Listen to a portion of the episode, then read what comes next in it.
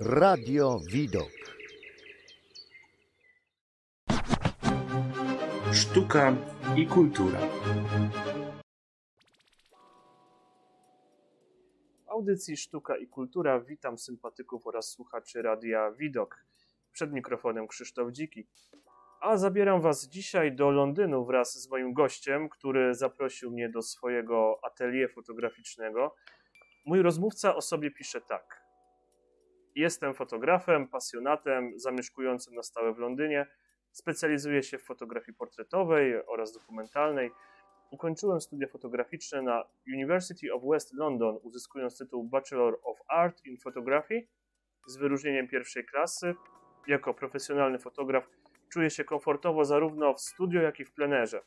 Pracuję na aparatach cyfrowych, jak i analogowych, a jako fotograf zostałem również wyróżniony nagrodą ufundowaną przez International Achievers Award jako Professional Photographer of the Year 2014. Moje prace brały również udział w kilku wystawach fotograficznych. Odkąd otrzymałem swój pierwszy aparat jako prezent w wieku 10 lat, nigdy nie oglądałem się za siebie, co zaowocowało ponad 20-letnim doświadczeniem w dziedzinie fotografii. Poprzez swoje własne projekty fotograficzne staram się przedstawiać problemy życia codziennego, społeczeństwa i środowiska, a jedne z ostatnich e, moich projektów e, personalnych to dokument, który pokazuje jeden dzień z życia małej afrykańskiej wioski Seksaksa, zakończony publikacją fotoksiążki pod tym samym tytułem. Projekt fotografii ulicznej, sfinalizowany fotoksiążką pod tytułem C, która pokazuje życie codzienne w dzielnicy zamieszkałej przez społeczność hasycką, albo Bridges of London, nowy projekt, który zaskakuje fotografią architektury, co jest zupełnie nową dziedziną w moim portfolio. Połączenie moich umiejętności i doświadczenia z pracą na profesjonalnym sprzęcie fotograficznym sprawiają, że moja praca jest wyjątkowa i niepowtarzalna. Tym wstępem witam serdecznie fotografa, artystę Janusza Miarkę. Dziękuję bardzo Januszu za zaproszenie w swój świat e, pasji, fotografii, światła. E, Witam Krzysztof, witam serdecznie w moim studio. Bardzo mi miło, że, że e, wysunąłeś taką inicjatywę, żeby nagrać ze mną podcast radiowy. Czuję się wyróżniony. Małe sprostowanie na wstępie. Książka, również nazwa wioski afrykańskiej. To nie Seksaksa. No Robiłem właśnie. ten sam błąd na początku. e, Bo po prostu no to jest e, jak my Polacy czytamy. Anglicy czytają to sekaka, natomiast or- oryginalna nazwa jest, X jest wyczytywane jako clicket K po angielsku i brzmi to mniej więcej w ten sposób. Ja nie jestem perfe- perfekcyjnie, nie mówię tej nazwy, ale brzmi mniej więcej tak. Sekaka. Wow, właśnie miałem o to Cię zapytać, ponieważ wiedziałem, że na 100% zrobię ten błąd fonetyczny, szczególnie, że kiedy pierwszy raz się spotkaliśmy, zwróciło to moją uwagę. E, Ten taki naturalizm e, fonetyczny właśnie w języku oryginalnym, tak? E, Jeżeli możesz powiedzieć, z jakiego to jest języka? Co to oznacza? Tak, to jest, to jest język Cłana. Słana. Jest to język, którym się mówi w Botswanie. Mhm. mówiony przez ludność, która pochodzi od y, Bushmenów. O, Chodzi o to, że ludzie ci praktycznie kiedyś utrzymywali się z polowań. Język fonetyczny, który, którego my używamy, nie bardzo służył podczas polowań. Komunikacja między tymi Bushmenami odbywała się w ten sposób, że były głoski nieme, które praktycznie, y, których się nie słyszało, natomiast y, y, większość tych głosek była właśnie taka klikowań i, i chodziło o to, żeby to było jak najbardziej zbliżone do odgłosów naturalnych. Jakie można spotkać w buszu, sawannie i tak dalej. Także y, mniej więcej rozmowa między dwoma bushmenami, którzy byli na polowaniu, odbywała się w ten sposób, tak. I oni wiedzieli o co chodzi. A, to jest bardzo sympatyczne. No, kiedyś oglądałem program właśnie na temat y, kultury Afryki i faktycznie jest coś takiego, że nie posługują się niektóre plemiona właśnie tylko i wyłącznie e, słowami, ale właśnie dźwiękami, więc bardzo interes- interesująca jest ta książka. W sumie planowałem porozmawiać o projekcie y, w drugiej części naszej rozmowy, ale jeżeli już to wywołaliśmy, to może coś więcej na ten temat y, powiedzieć, bo ja przeglądam właśnie książkę, mam ją w ręku, jest pełno portretów, y, jest bardzo ciekawa pod kątem właśnie uchwycenia chwili zastanej, mężczyźni, kobiety. Bardzo jest to impresyjne dla mnie, ale też no, wzbudza ciekawość właśnie. Skąd pomysł na to, żeby zrobić ten projekt? Jak znalazłeś się w tej wiosce? No, masa pytań pojawia się a propos właśnie tej, tej książki. Żeby zacząć od początku, trzeba by było powiedzieć o tym, że jestem fotografem y, dokumentalnym i portrecistą. Mhm. Więc y, książka, akurat ta książka to jest powiązanie dwóch tych dziedzin, portretu i dokumentu. W tej wiosce akurat znalazłem się nie przez przypadek. Moja była partnerka pochodziła właśnie z Botswany i razem z nią w roku 2014 organizowaliśmy projekt, który miał pomóc ludziom mieszka mieszkającym w tej wiosce, a szczególnie dzieciom, które musiały dochodzić do szkoły aż 11 mil Mhm. czyli to jest jakieś e, 18 km w jedną i w drugą stronę, co czyni Zgadza się. 36 km Tak, tak. na piechotę dziennie e, w słońcu, w upale, no bo wiadomo, Botswana, e, kraj afrykański, więc moja była partnerka była pomysłodawcą do takiego projektu, żeby zebrać fundusze i zakupić minibus, który będzie dowoził te dzieci e, z tej wioski do szkoły, do miejscowości Maun, która jest położona w odległości 11 mil od tej wioski Se, Se, a, a?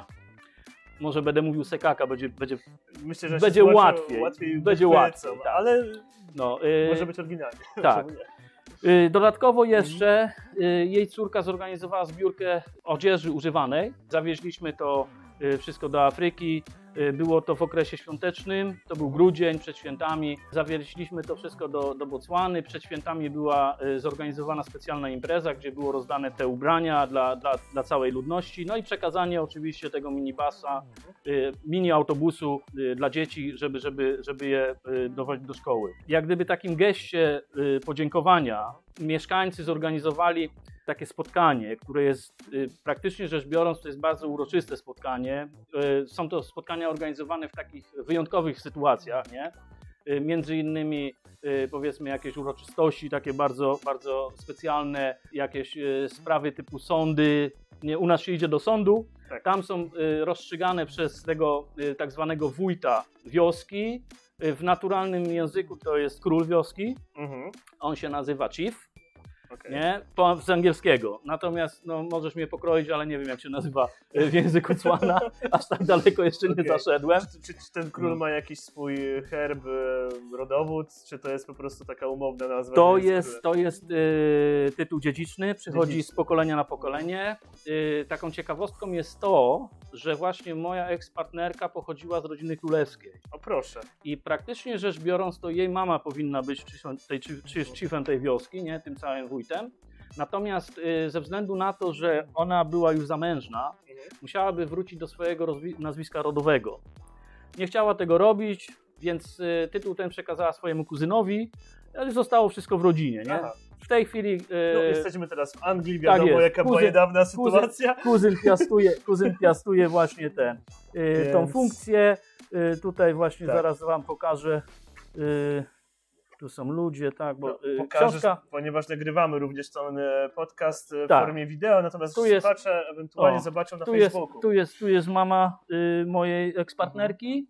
Ba, przemiła osoba. Zresztą Mhm. ludzie w Botswanie są bardzo mili i y, ja praktycznie rzecz biorąc odnalazłem tam czas swojego dzieciństwa, czyli lata 70., 80. O proszę, czyli Afryka, y, Polska to wcale nie jest taki odległy dystans. Jak Nie, dla mnie to była y, y, znalezienie się w Botswanie, Mhm. znalezienie się ogólnie w Afryce, a szczególnie w Botswanie, Mhm. to było po prostu maszyn, wehikuł czasu.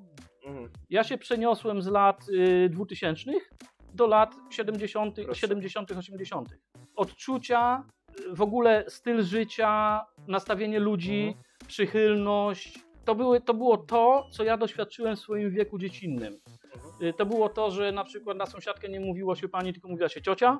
Nie było problemu, jak było się głodnym, można było iść do sąsiadki i ona ci dała kromę chleba z cukrem polaną wodą, czy tam z czymś jeszcze innym. No, I to, był, te, znajomo, I to był ten smakołyk, nie? Ja właśnie to znalazłem w Botswanie. Czyli taka rodzinność i otwartość. Dokładnie. Jak w Dokładnie. w Polsce.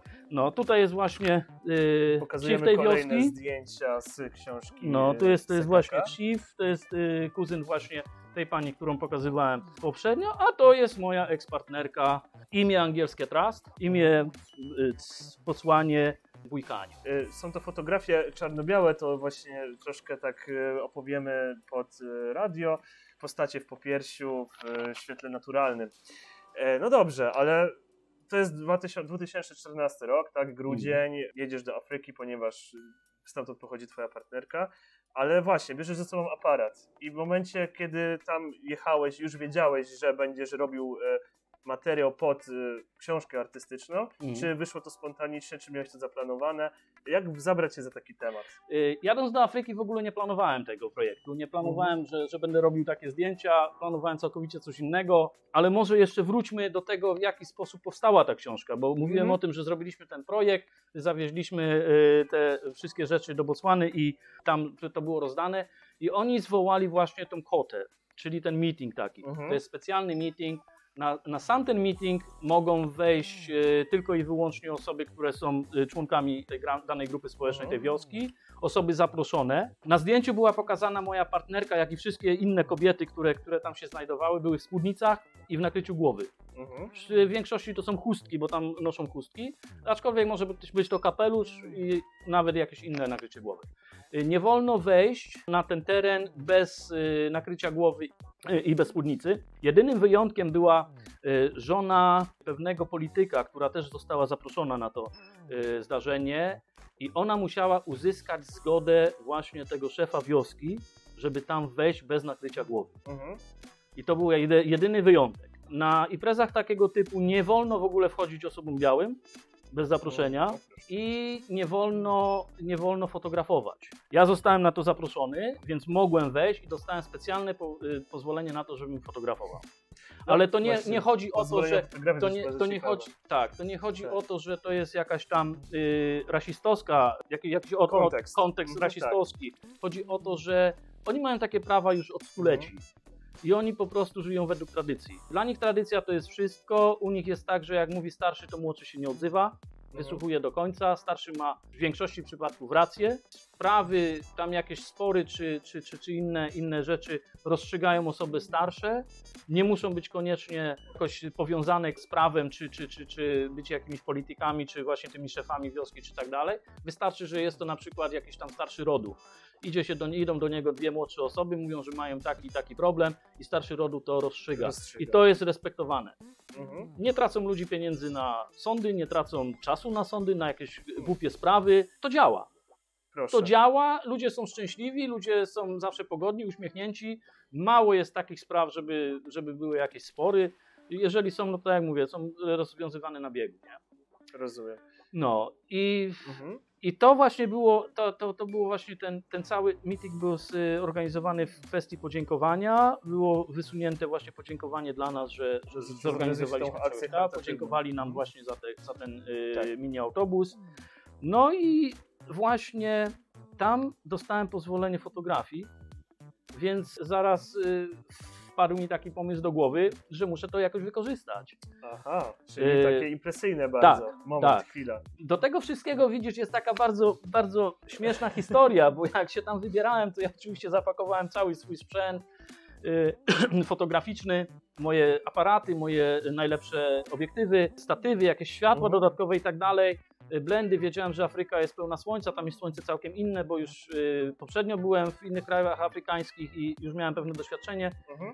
Więc byłem przygotowany na, na, na fotografowanie. Niekoniecznie fotografowanie y, właśnie portretu, ale, ale byłem przygotowany na to. I co się okazało? Podczas podróży zaginął mój bagaż. O proszę. Y, To chyba dość często się I zdarza. wylądowałem, wylądowałem po prostu na miejscu Aha. y, bez aparatów. Ojej. Y, No dla Tak. fotografa to wiadomo. Najgorsze mogłoby być to, że tylko sobie mogę poczuć jeszcze kosztach- żyły. Nie? O kosztach możemy porozmawiać później. Dokładnie. Y, Ale Co jest się, to na pewno sentymenty. Co się okazało, na miejscu była tylko możliwość, żebym mógł pożyczyć Mhm. y, taki najprostszy kano, y, aparat y, cyfrowy Canona. Czyli wtedy na początku nie pracowałeś na swoim sprzęcie ze względu na to, że gdzieś tam się stracił On się stracił, ja go nie mogłem w ogóle tam Ale odzyskać. historia. Nie. Odzyskanie tego sprzętu stało się praktycznie rzecz biorąc niemożliwe. Ja wiedziałem, że go będę miał w powrocie do y, UK, Aha, natomiast wiedziałem, że jeżeli chodzi o Botswanę, mogę o nim zapomnieć. Wow, czyli jakby ta książka została zrealizowana zupełnie na kompletnie innym sprzęcie niż zamierzałeś. Ta książka To to jest... w ogóle została zrealizowana Bardzo bez żadnych podejście. zamierzeń. Powiem ci, bo historia tej książki jest bardzo Ojej. skomplikowana. E, W każdym bądź razie Mhm. uzyskałem, y, udało mi się pożyczyć taki zwykły aparat Canona Canon 1000. Mhm. Do tego obiektyw zwykły, obiektyw setowy, prawda, 70-300. O, mogłem zapomnieć o fotografowaniu plenerów. Mhm. Mogłem tylko myśleć o tym, żeby sfotografować no, portrety i jak, jakiś dokument robić. Do tego jeszcze miałem drugi obiektyw setowy, y, 1855, typowa setówka. No i co mogłem zrobić? Kiedyś ktoś mi powiedział, że dobre zdjęcia robi się, jak się ma dobry sprzęt. Wtedy wszedł, wpadł mi do głowy taki pomysł, żeby udowodnić, że niekoniecznie trzeba mieć dobry sprzęt, żeby zrobić dobre zdjęcia. Aparat był rozwalony, baterię, żeby, żeby w ogóle chodził, musiałem podkleić taśmą izolacyjną. W ogóle no, była masakra.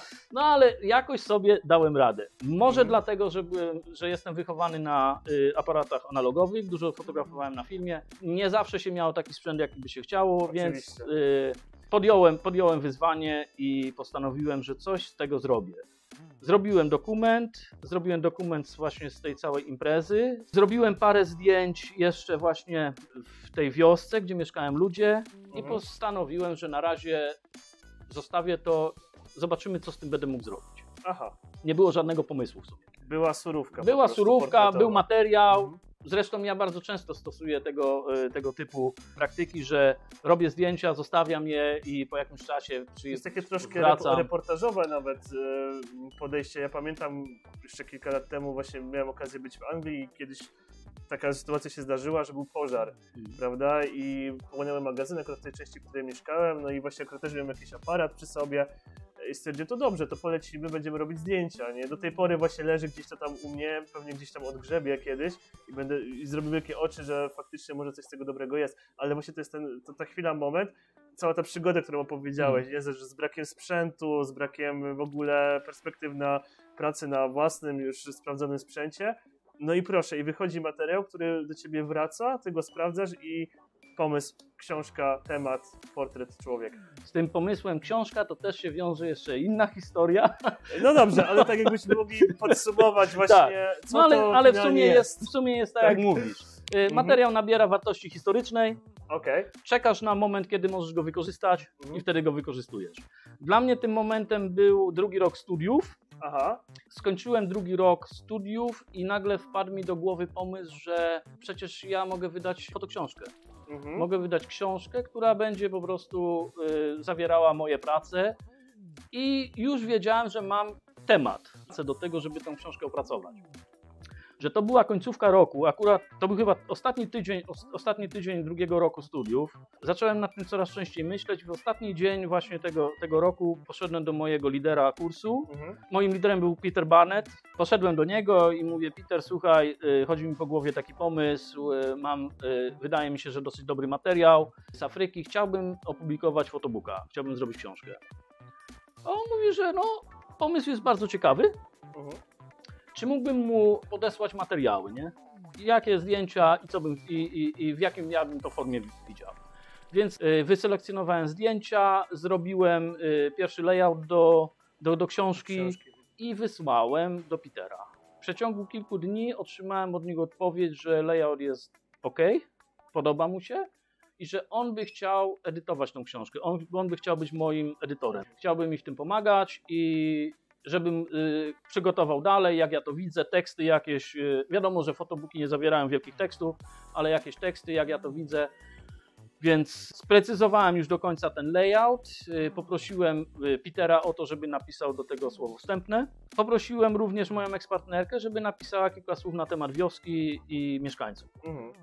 Ja napisałem od siebie po prostu też jakiś tam tekst, w jaki sposób po prostu ten y, projekt powstał, nie, y, co, co, o, o czym to jest.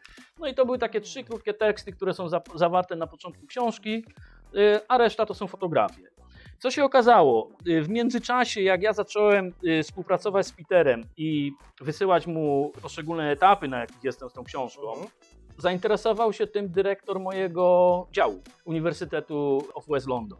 Y, Zostałem przez niego zaproszony, miałem z nim rozmowę, rozmawialiśmy na temat książki, spytał mi się, y, dlaczego na przykład fotografia czarno-biała, co przez, co przez to chcę pokazać. Po zakończeniu rozmowy powiedział mi, że jest zainteresowany moją książką i że w momencie, kiedy zostanie wydana, on by chciał też y, tą książkę zobaczyć i chciałby się ze mną spotkać i jeszcze porozmawiać. Kiedy y, książka została wydana i spotkałem się z nim drugi raz, zrobił mi niespodziankę i zakupił tą książkę, y, umieścił w bibliotece University of West London. Także w tej chwili studenci mają możliwość korzystania z tej książki, również z tej książki. Tak. Mhm. Drugą taką bardzo miłą niespodzianką dla mnie było to, że byłem y, pierwszym studentem y, University of West London, który wydał książkę podczas studiów. Na drugim, znaczy no, Na drugim roku. na tak? drugim roku, Wow. bo co się okazało, na trzecim roku y, fotoksiążka to był, je- była jeden z przedmiotów. Ja o tym nie wiedziałem. Aha, że dopiero Ja wdrażani nie, ja, nie, wie- studenci. ja nie wiedziałem o tym, że Mhm. będzie taki temat, Mhm. że będzie taki, taki moduł, y, że będziemy robić fotoksiążkę. Aha, Y, Zrobiłem to już wcześniej. wcześniej. Sam z własnej woli po Tak, prostu, tak, nie? tak. No, no i, i okazało się, że jestem tym pierwszym studentem, który to zrobił właśnie z własnej woli i jestem pierwszym studentem chyba, który ma swoją książkę w, y, W bibliotece. jeszcze w bibliotece, który, który był jeszcze Aha. studentem podczas studiów, nie? która była zakupiona podczas studiów. No to jest duże wyróżnienie, No. na pewno. Yy, Też tak troszkę odnoszę do siebie, bo ja również na swoich studiach miałem fotografię i oczywiście spotkałem się z tematem e, książki artystycznej, więc jest to niesamowity środek wyrazu tego, co spotyka nas w życiu, bo ja na Mhm. przykład odbieram ten projekt właśnie tej konkretnej wioski afrykańskiej, tych portretów właśnie jako taki, no jako twoją część życia, bo wielokrotnie w rozmowach właśnie wspominałeś, że Afryka jest ci bardzo bliska, no i cały ten splot wydarzeń sprawił, że ta książka jeszcze bardziej e, oddaje klimat właśnie takiej impresji, tej ulotności, Mhm. przez to, że no nie było to jakby mm, zaprojektowane od A do Z, bo wszystko to walnęło przez właśnie, zaczynając od e, zgubienia sprzętu, po właśnie tą pomoc charytatywną, która doprowadziła do zgody na robienie zdjęcia, tak, i e, finalnie e, zrobienie tych zdjęć na pożyczonym aparacie, gdzie potem zacząłeś odkrywać e, te zdjęcia po latach, studiując tutaj w Mhm. Anglii. No właśnie, dobrze. Zaczęliśmy troszkę od końca, bo założeniem tej rozmowy właśnie Jeszcze było... jak jesteśmy przy Tak? książce, to chciałbym jeszcze jedną rzecz powiedzieć. Okej. To jest moja pierwsza książka, którą udało mi się opublikować. A to nie jest jedyny Jest projekt, to- drodzy tak, słuchacze, no więc przypuszczam, że ta Jest- rozmowa nam się troszkę rozciągnie. jest pierwsza, y, jest to self-publishing, nie? czyli książka Tak. opublikowana przez samego mnie. Y, No niestety, kurde, nie udało mi się znaleźć jakiegoś sponsora, ale bardzo ważną rzeczą dla mnie, która tutaj jest w tej książce, to książka ta jest dedykowana mojej mamie, Urszuli, y, dzięki której jestem tym, kim jestem, nie? Mhm. I to jest też właśnie zapisane na pierwszej, na pierwszej stronie tej książki. Także to jest, to jest całe podziękowanie za, za, cała, za całokształt, nie? za to, że mnie wychowała takim, jakim jestem. Dzięki niej w sumie Mhm. też y, y, było zainteresowanie fotografią, dlatego jestem tutaj, gdzie jestem i jesteśmy tutaj, gdzie jesteśmy. No, y, ja też nie spodziewałem się, że będzie no. mi dane kiedykolwiek w Londynie próbować, chociażby właśnie w tej formie Mm. prowadzić z tobą e, rozmowę. No ja wierzę w to, że nic się nie dzieje bez przyczyny. Zgadza się. Zresztą y, sam, sam fakt powstania tej książki też y, to jest jakiś... Wydawałoby się, że przypadkowy, a jednak dowód, dodaje że to- coś się, tak, coś się dzieje po kolei, prawda, Tak. nie? jednak jest to spójne ze sobą. No. Także warto trzymać e, rzeczy w archiwum, tak? Sam mam Dokładnie. z różnymi rzeczami, Dokładnie. nigdy nie wiadomo kiedy co Wiesz, wypłynie. y, produkując materiał do tej książki, ja wcale sobie nawet nie myślałem o tym, nie marzyłem, że Mhm. będę robił kiedyś studia, tym bardziej w Anglii, Właśnie. wiesz, y, po angielsku, nie? I, i to jeszcze y, studia jako fotograf, y, czyli studiował coś, co kocham i, i czym się zajmuję praktycznie rzecz biorąc od, od małego, nie? Właśnie, poruszyłeś wątek początku. Pytanie, które właściwie powinno rozpocząć tą rozmowę, skąd pasja do fotografii e, i właśnie jak zacząłeś przygodę z nią, nie? Wspomniałeś o swojej mamie, o Polsce, o analogach. To były twoje początki. Jak to się odbywało? Jaki jest proces dojścia do e, tego, kim jesteś teraz? Do 2021. A zaczynałeś w którym? Zaczęło, zaczęło się jak miałem 10 lat, czyli w 81, 81 1981 roku.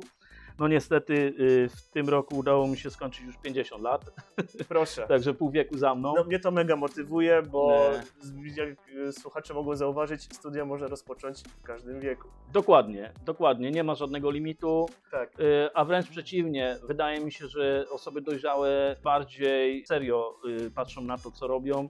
I jeżeli zaczynają studiować jakiś kierunek, to ten kierunek już jest przemyślany i wybrany, wiedzą czego chcą. Z perspektywy moich studiów, y, ja byłem najstarszy na moim y, kierunku.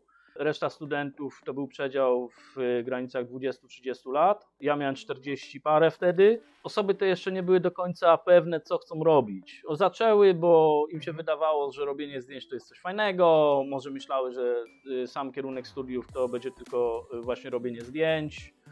Nie do końca tak to było, nie? No ale wracając do, do początków, tak, o to, tak, co tak. mnie pytałaś. O co mnie, co mnie pytałeś, bo yy, widzisz, się. my robimy w ten sposób, że planowałeś zacząć od początku, zaczęliśmy od środka. Ale jesteśmy w naszym rewirze, oboje liznęliśmy troszkę artyzmu, może Tak. troszkę bardziej, także Spontan, typowy u nas spontan. to jest natura. Typowy Wybaczcie, jeżeli troszkę przyciągamy. No. Yy, więc tak, no zacząłem w roku 81. Yy, bardzo ciekawy rok dla mnie. Yy, 10 lat. Yy, znalazłem, kilka lat wcześniej w sumie znalazłem aparat Smiena 6.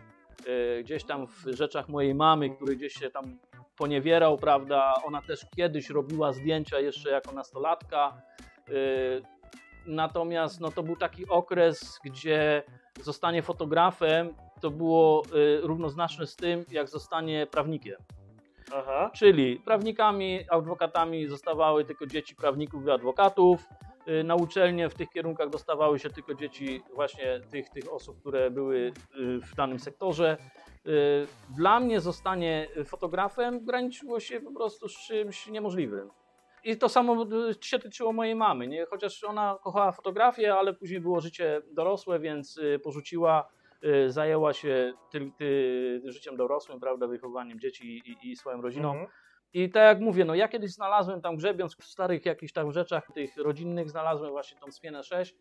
No i zacząłem się interesować, co to jest, jak, a że jestem techniczną osobą, więc trzeba było zobaczyć, jak to jest zbudowane, co jest w środku, nie i tak dalej. Zupełnie mnie to nie dziwi. Podchwyciła to moja mama i jak zobaczyła już, że ja zacząłem się interesować tym aparatem, no to dała mi jakieś tam pierwsze początki wiedzy, kurde, co to jest e, fotografia, pokazała, jak się ładuje klisze, dała mi ten aparat.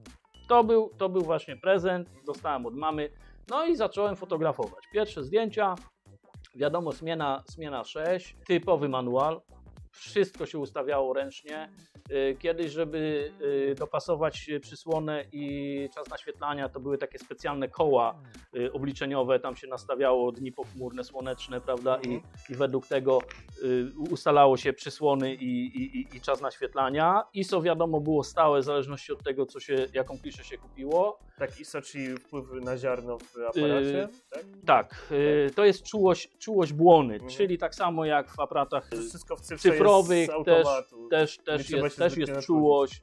Y, No, ale to wszystko zależy od tego, co chcemy zrobić i gdzie robimy. Nie? Wtedy też się ustawia, ISO jest jedną właśnie z tych y, faktorów tej, tego trójkąta takiego, nie? Aha. Czyli przysłona, czas naświetlania i czułość y, materiału, na którym naświetlamy. Więc tak, wracając do tej, do, do tej zmiany, zacząłem robić zdjęcia. Okazało się, że no pierwszą, pierwszą kliszę, którą zrobiłem, no wyglądała bardzo ciekawie, nie? Bo Mhm. na niej nie było nic.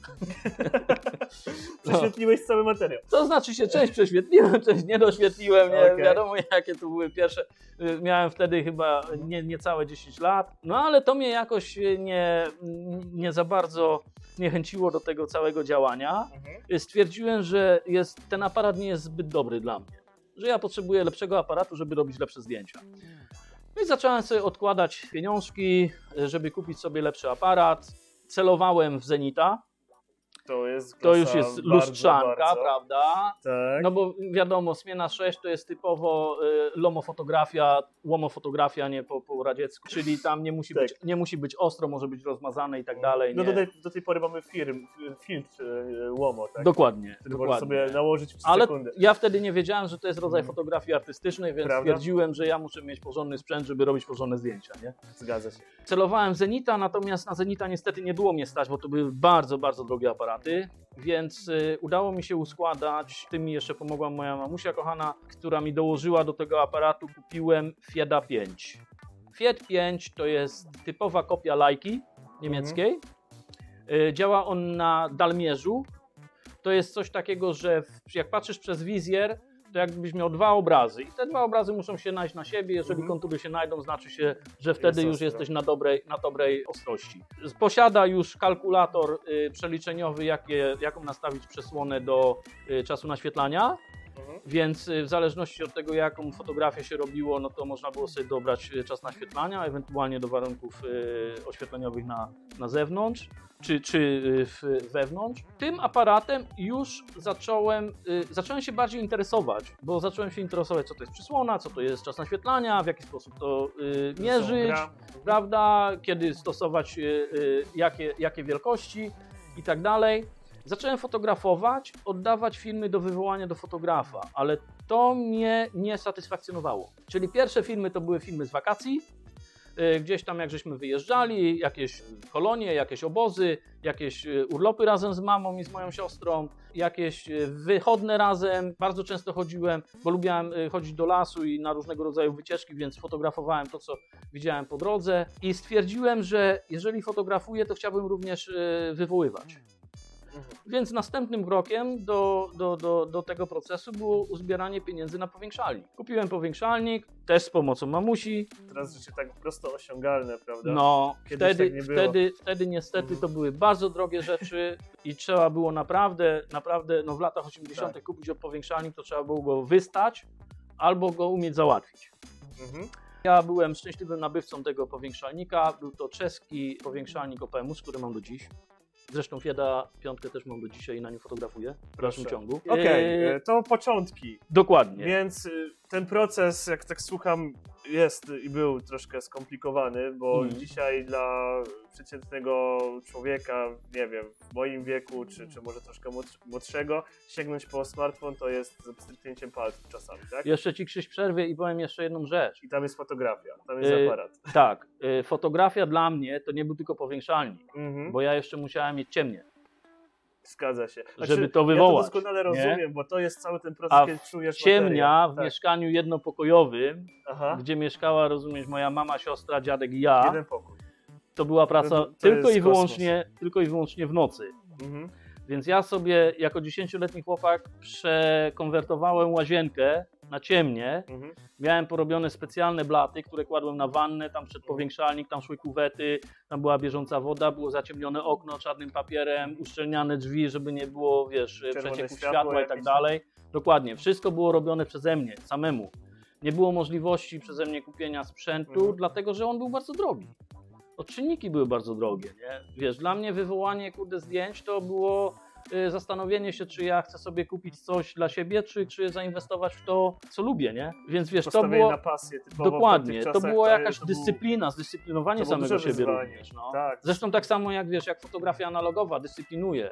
Fotografii Mhm. analogowej masz tylko 24 albo 36 latek. Zgadza się. Więc jak robisz zdjęcie, to nie pstrykasz jak, wiesz, na wariata, że a, któreś tam wyjdzie, tylko musisz się nauczyć kadrowania, musisz się nauczyć patrzeć przez wizjer, musisz się nauczyć jak widzi kamera, Zgadza się. jak widzi no, aparat, o, bo nie kamera chcę, w nie języku angielskim. właśnie generalizować, ale No. przez to, że mamy taki dostęp do cyfry, do właśnie chociażby smartfonów, o Mhm. których wspomniałem, no to właśnie często nie dba się o takie szczegóły właśnie jak kadry, jak światło, bo po Tak. prostu idzie się i bezmyślnie, jak notatka, nie? Cyk. Dokładnie. Tutaj 24, tak? Czy tam Mhm. 30, w zależności od tego, Tak. jaka to jest 36. Kisza. 36. No faktycznie z taką pokorą podchodzi się do tego i przygotowujesz się, tak? Chciałbym jeszcze zauważyć, że wiesz, prekursorzy fotografii y, na y, aparatach tych małoobrazkowych, y, Mhm.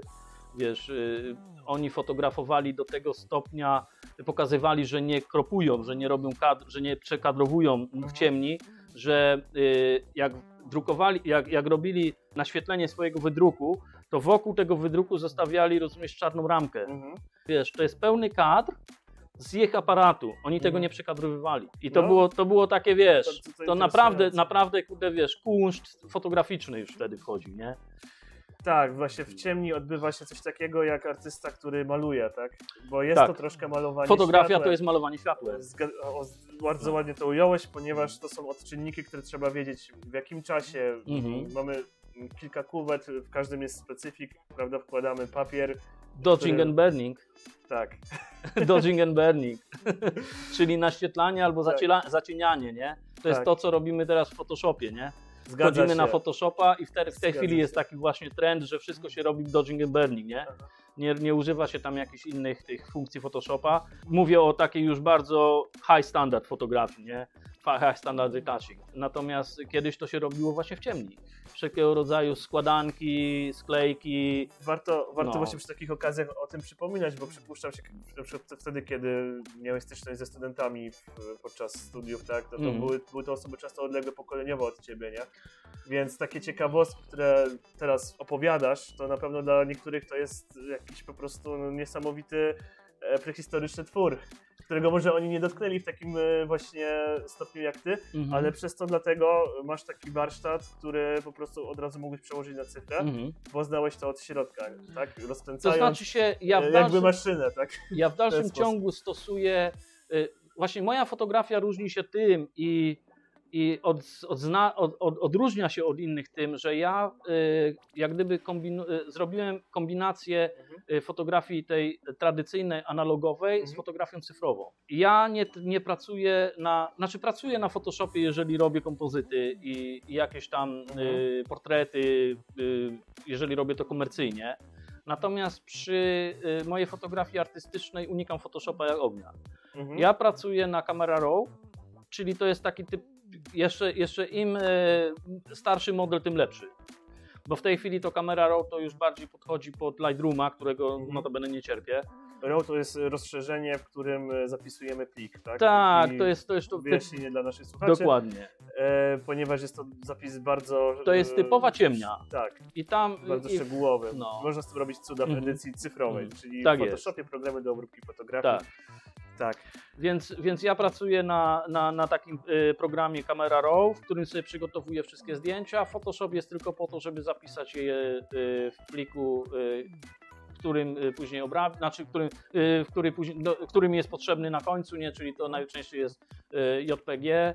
Ewentualnie dodać jakieś filtry, czy zrobić jakieś Mhm. wyostrzenie, przygotować pod- do druku i tak dalej, nie? Wyczyścić zdjęcie w zależności od tego, czy, czy, czy, czy je czyszczę, czy nie. No to zależy od tego, do czego to zdjęcie potrzebuję Tak. i jakie to zdjęcie jest, Jaki nie? masz zamysł No projekt? i to, i, to samo, i to samo dzieje się w ciemni. W ciemni, takiej typowej ciemni fotograficznej wchodzisz, robisz sobie stykówkę, Mhm. patrzysz na poprzez lupę, które zdjęcie ci odpowiada, nie? Czyli to jest typowy proces y, bridge'a, Próbowania. nie? Masz Jak bridge'a, w którym robisz selekcję zdjęć, Tak. oznaczasz sobie zdjęcia, które potrzebujesz, robisz Mhm. sobie duży print, wyciągasz go na zewnątrz, zakreślasz i robisz opisy, co na tym zdjęciu chcesz zrobić, czyli gdzie chcesz mieć jaśniej, gdzie ciemniej, gdzie trzeba troszeczkę bardziej przytrzymać, kurde, zrobić kontrast i tak dalej. To się robi teraz na suwakach, To prawda? się robi w tej chwili na, na suwakach, kiedyś to się robiło na papierze, nie? Tak, tak, Y, tak. Wracasz z Co powrotem wydłużało proces twórczy. Dokładnie. Tak. Zwracasz z powrotem do ciemni, y, następny powie- papier pod powiększalnik i wtedy robisz dodging burning. Jeżeli chcesz zrobić. y, Rozjaśnienie, kanap- przyciemnianie. tak, jeżeli bo chcesz zrobić- się wkrada. Tak jest. No ale y, myślę, że słuchacze, którzy, Mm. którzy mają troszeczkę do czynienia z Photoshopem, no to wiedzą o co Tak, chodzi, bo tak. to są pojęcia, które się wykorzystuje międzynarodowo, nie? Zgadza No się. ale to wyjaśnienie dla tych słuchaczy, którzy nie, Którzy ten, nie dopiero mają. zaczynają Dokładnie. przygodę, bo może Dokładnie. będzie to zachęta do wracania właśnie do Tak, tradycyjnych tak. technik, do których ja też mam sentyment przez to, że Mhm. gdzieś tam w domu też prze, przewalały się jakieś Mhm. zenity, czy chociażby obiektywy z analogów, które Mhm. przekręcam sobie do cyfry Mhm. dzięki specjalnej łączce i faktycznie można uzyskiwać mniej więcej podobne efekty, jakby się robiło na kliszach. Mhm. Tylko, że jest to cyfra, wiadomo, trzeba kombinować trochę z papierami. One troszeczkę troszeczkę, mają inną budowę, tam, Tak. tam wchodzą y, inne Ale jestem szkieł... zachwycony. Szkłami, inne szkiełka. szkłami analogowymi z tych starych Mhm. aparatów jestem zachwycony, bo one niesamowicie właśnie e, światło przetwarzają. Tak, tak, bo to jest to... bliki, e, temperatura, nasycenie Mhm. zupełnie jest inaczej niż te szkła e, Mhm. automatyczne, Mhm. cyfrowe. I są dużo, dużo tańsze, Mhm. tak? Jeżeli Oczywiście, chodzi o pozyskiwanie oczywiście. starych radzieckich na przykład No. obiektywów.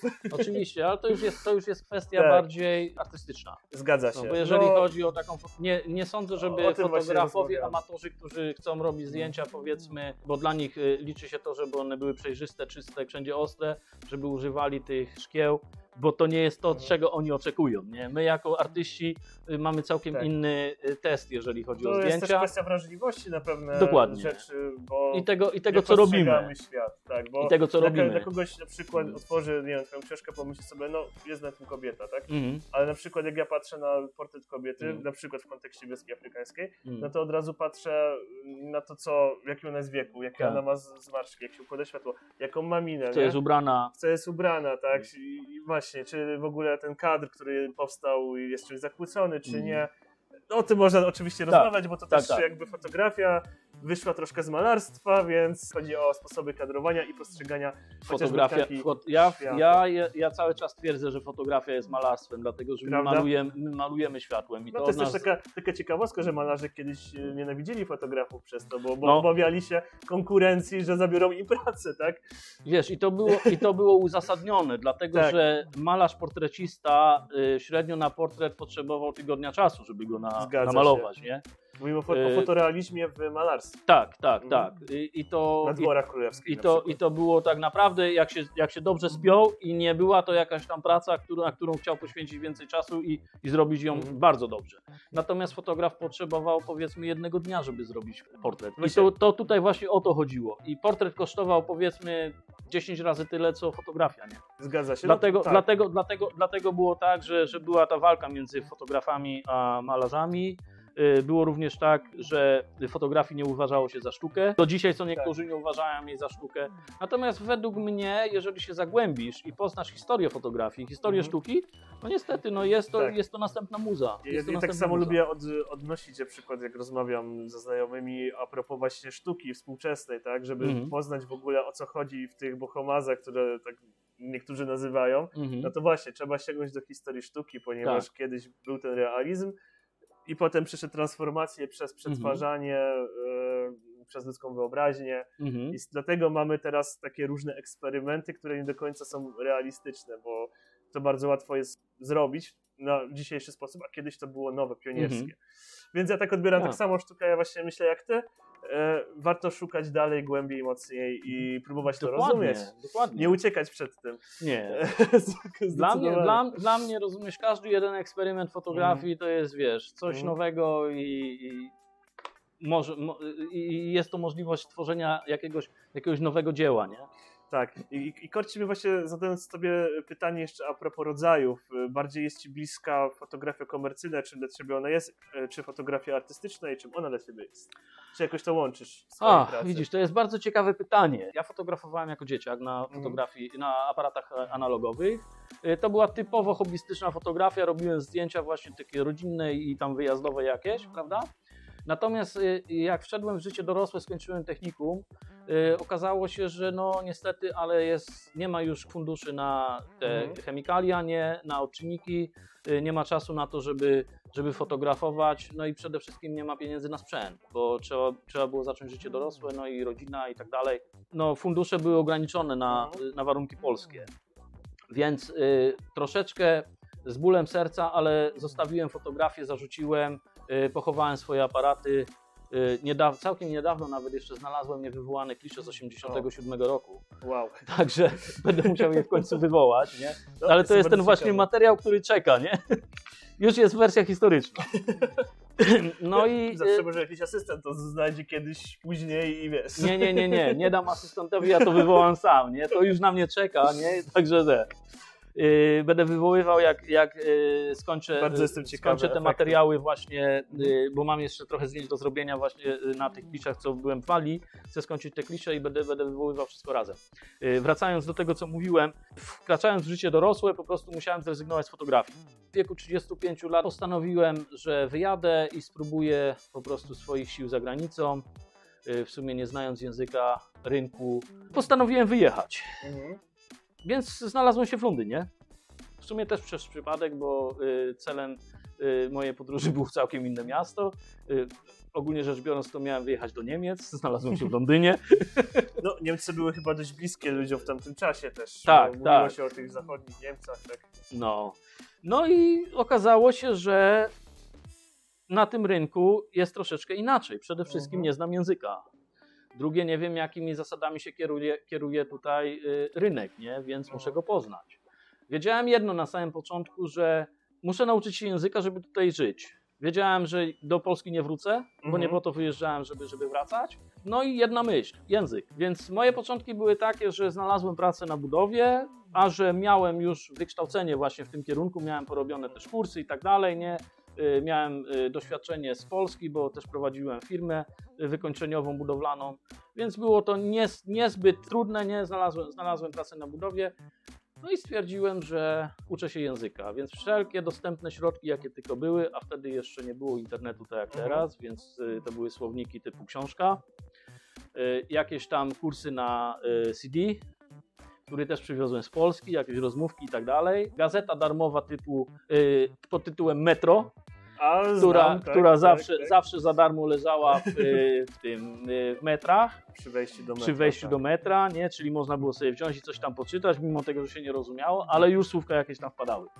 No i postanowiłem, że będę się, będę się uczył, y, nie chcę pracować dla kogoś, zawsze pracowałem dla siebie, więc y, będziemy, będziemy robić wszystko, żeby tak dalej było. Moje życie wyglądało w ten sposób, że 10 godzin się uczyłem, 10 godzin pracowałem, 4 godziny spałem. O kurczę. To się tak da w ogóle? Da się, da się, powiem Ci, że się da. Wow. Mój pokój był wyklejony kartkami ze słówkami, telewizor chodził cały czas na BBC, Mhm. Y, Jadąc do pracy, Walkman na uszach z y, CD i na okrągło słuchanie jakichś tam rozmówek y, angielskich, jakichś, jakichś kursów i tak dalej. No i postanowiłem, że muszę poznać kogoś, kto będzie mówił po języku angielskim. Tak zwany native speaker Dokładnie. tutejszy, tak? Dokładnie. No i Wow. okazało się, że poznałem dziewczynę, która pochodziła z Namibii. I to była właśnie. Y, Miała typowy brytyjski akcent, czy... nie, nie, No nie. właśnie, bo to jednak nie Brytyjka. To nie było Brytyjka, ale dla mnie było o tyle łatwiej, że Okej. ludzie z Afryki Południowej y, mówią w akcencie podobnym do języka, y, akcentowania jęz- języka angielskiego przez Polaków. Aha, czyli No. na Więc, R, Ona tak? jak do mnie mówiła, to ja ją rozumiałem, Okej. natomiast nie rozumiałem w ogóle Brytyjczyków. Ale to już nie, nie zależało na tym. Ja wiedziałem, że ja się muszę nauczy, nauczyć mówić, A reszta a nie, poleci. umie, nie muszę umieć rozumieć. Reszta poleci. Reszta poleci. No i okazało się, że się nauczyłem tego języka w 6 miesięcy, na tyle, Sześć że, miesięcy. tak, żeby zrezygnować e, z pracy dla kogoś i otworzyć własną firmę. Okej. No, otworzyłem własną firmę, zacząłem pierwsze prace jako budowlaniec. Y, No, y, było, było ciężko, nie, bo nauczyłem się na tyle mówić, że ludzie mnie rozumieli, co ja do nich mówiłem, natomiast ja nie rozumiałem w ogóle, co oni do mnie mówią. Czyli w tą stronę to działało. Ale jak na, Mhm. ale na, jak na wszystko był patent, ja sobie wymyśliłem, że będę szedł do klienta i sprzedawał siebie, Aha.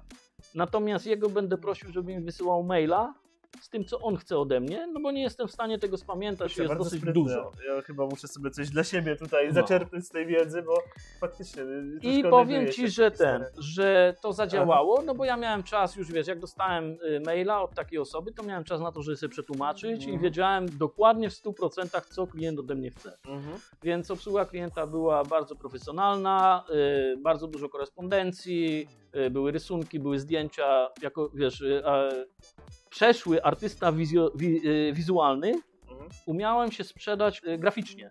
Nie? Okej. Czyli, czyli była grafika, były programy graficzne, zrobiłem y, te grafiki w 3D, pokazywałem klientowi, jak, jak będzie wyglądało po skończeniu, nie? I tak dalej. Mhm. I to mi pomogło w tym, że Czy to było takie pierwsze wejście z wizualizacjami, jeżeli mówimy o rynku e, budowlanym? Tak, tutaj, tak, tak. Bo ja tutaj poszedłem całkowicie w budowlankę. Mhm. Zresztą przywiozłem ze sobą narzędzia, które miałem w Polsce, nie, Mhm. na których pracowałem. Y, Przydały się.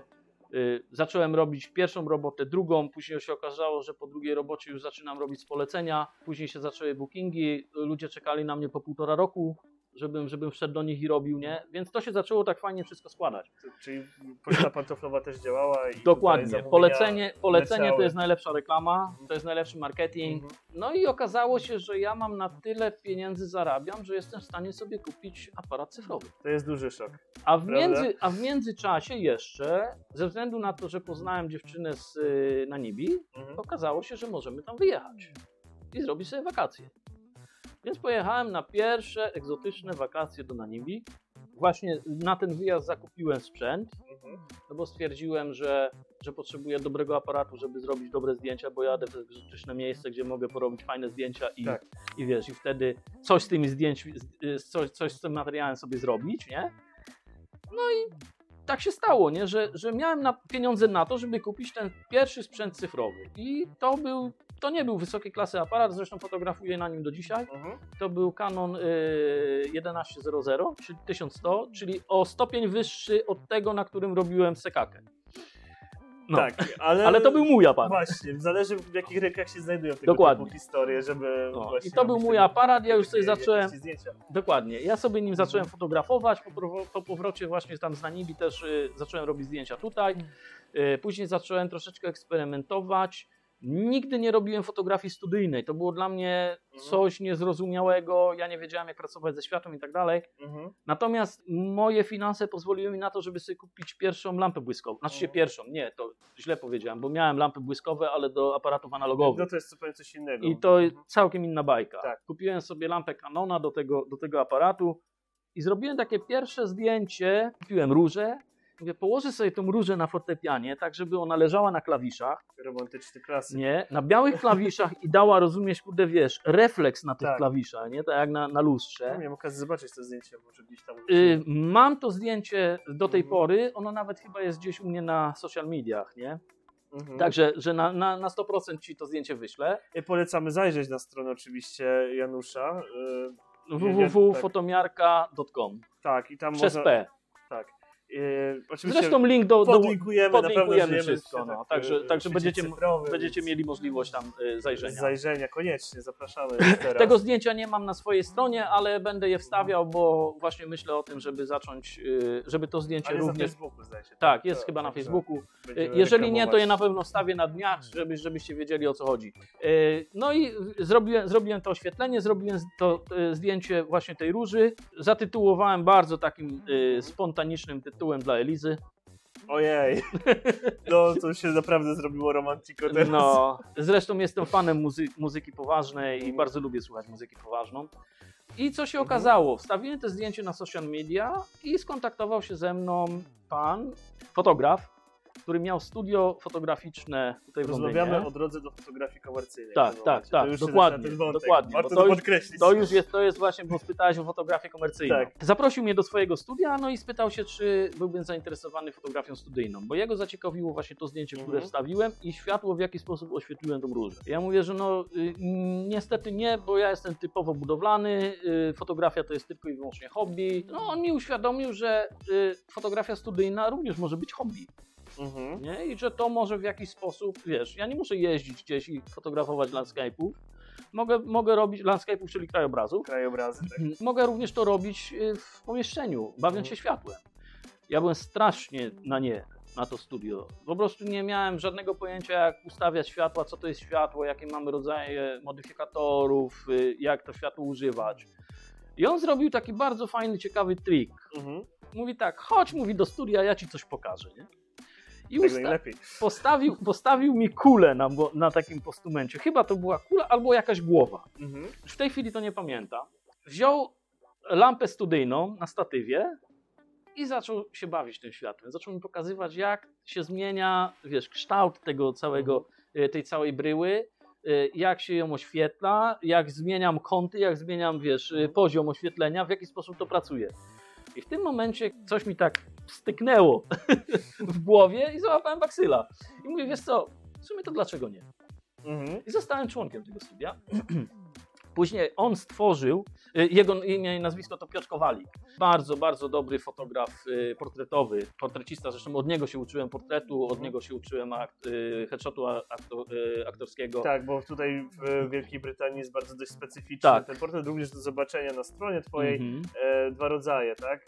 E, To jest Wielka Brytania i Stany Zjednoczone. Aha, Czyli są dwa rodzaje, jest US Actor Headshot i UK Actor Headshot. czyli e, biznesowe portrety dla, Dla aktorów, dla które... aktorskiego portfolio. Tak, Mhm. które pomagają im w zdobyciu ról, Mhm. bo tutaj nie ma czegoś takiego jak y, wybieranie aktorów w formie castingowej. Są castingi oczywiście, ale pierwszym, pierwszym elementem do zaproszenia na casting ze względu na ilość tych aktorów Mhm. to są y, właśnie profesjonalne zdjęcia aktorskie, które są na, podstawowym narzędziem aktora.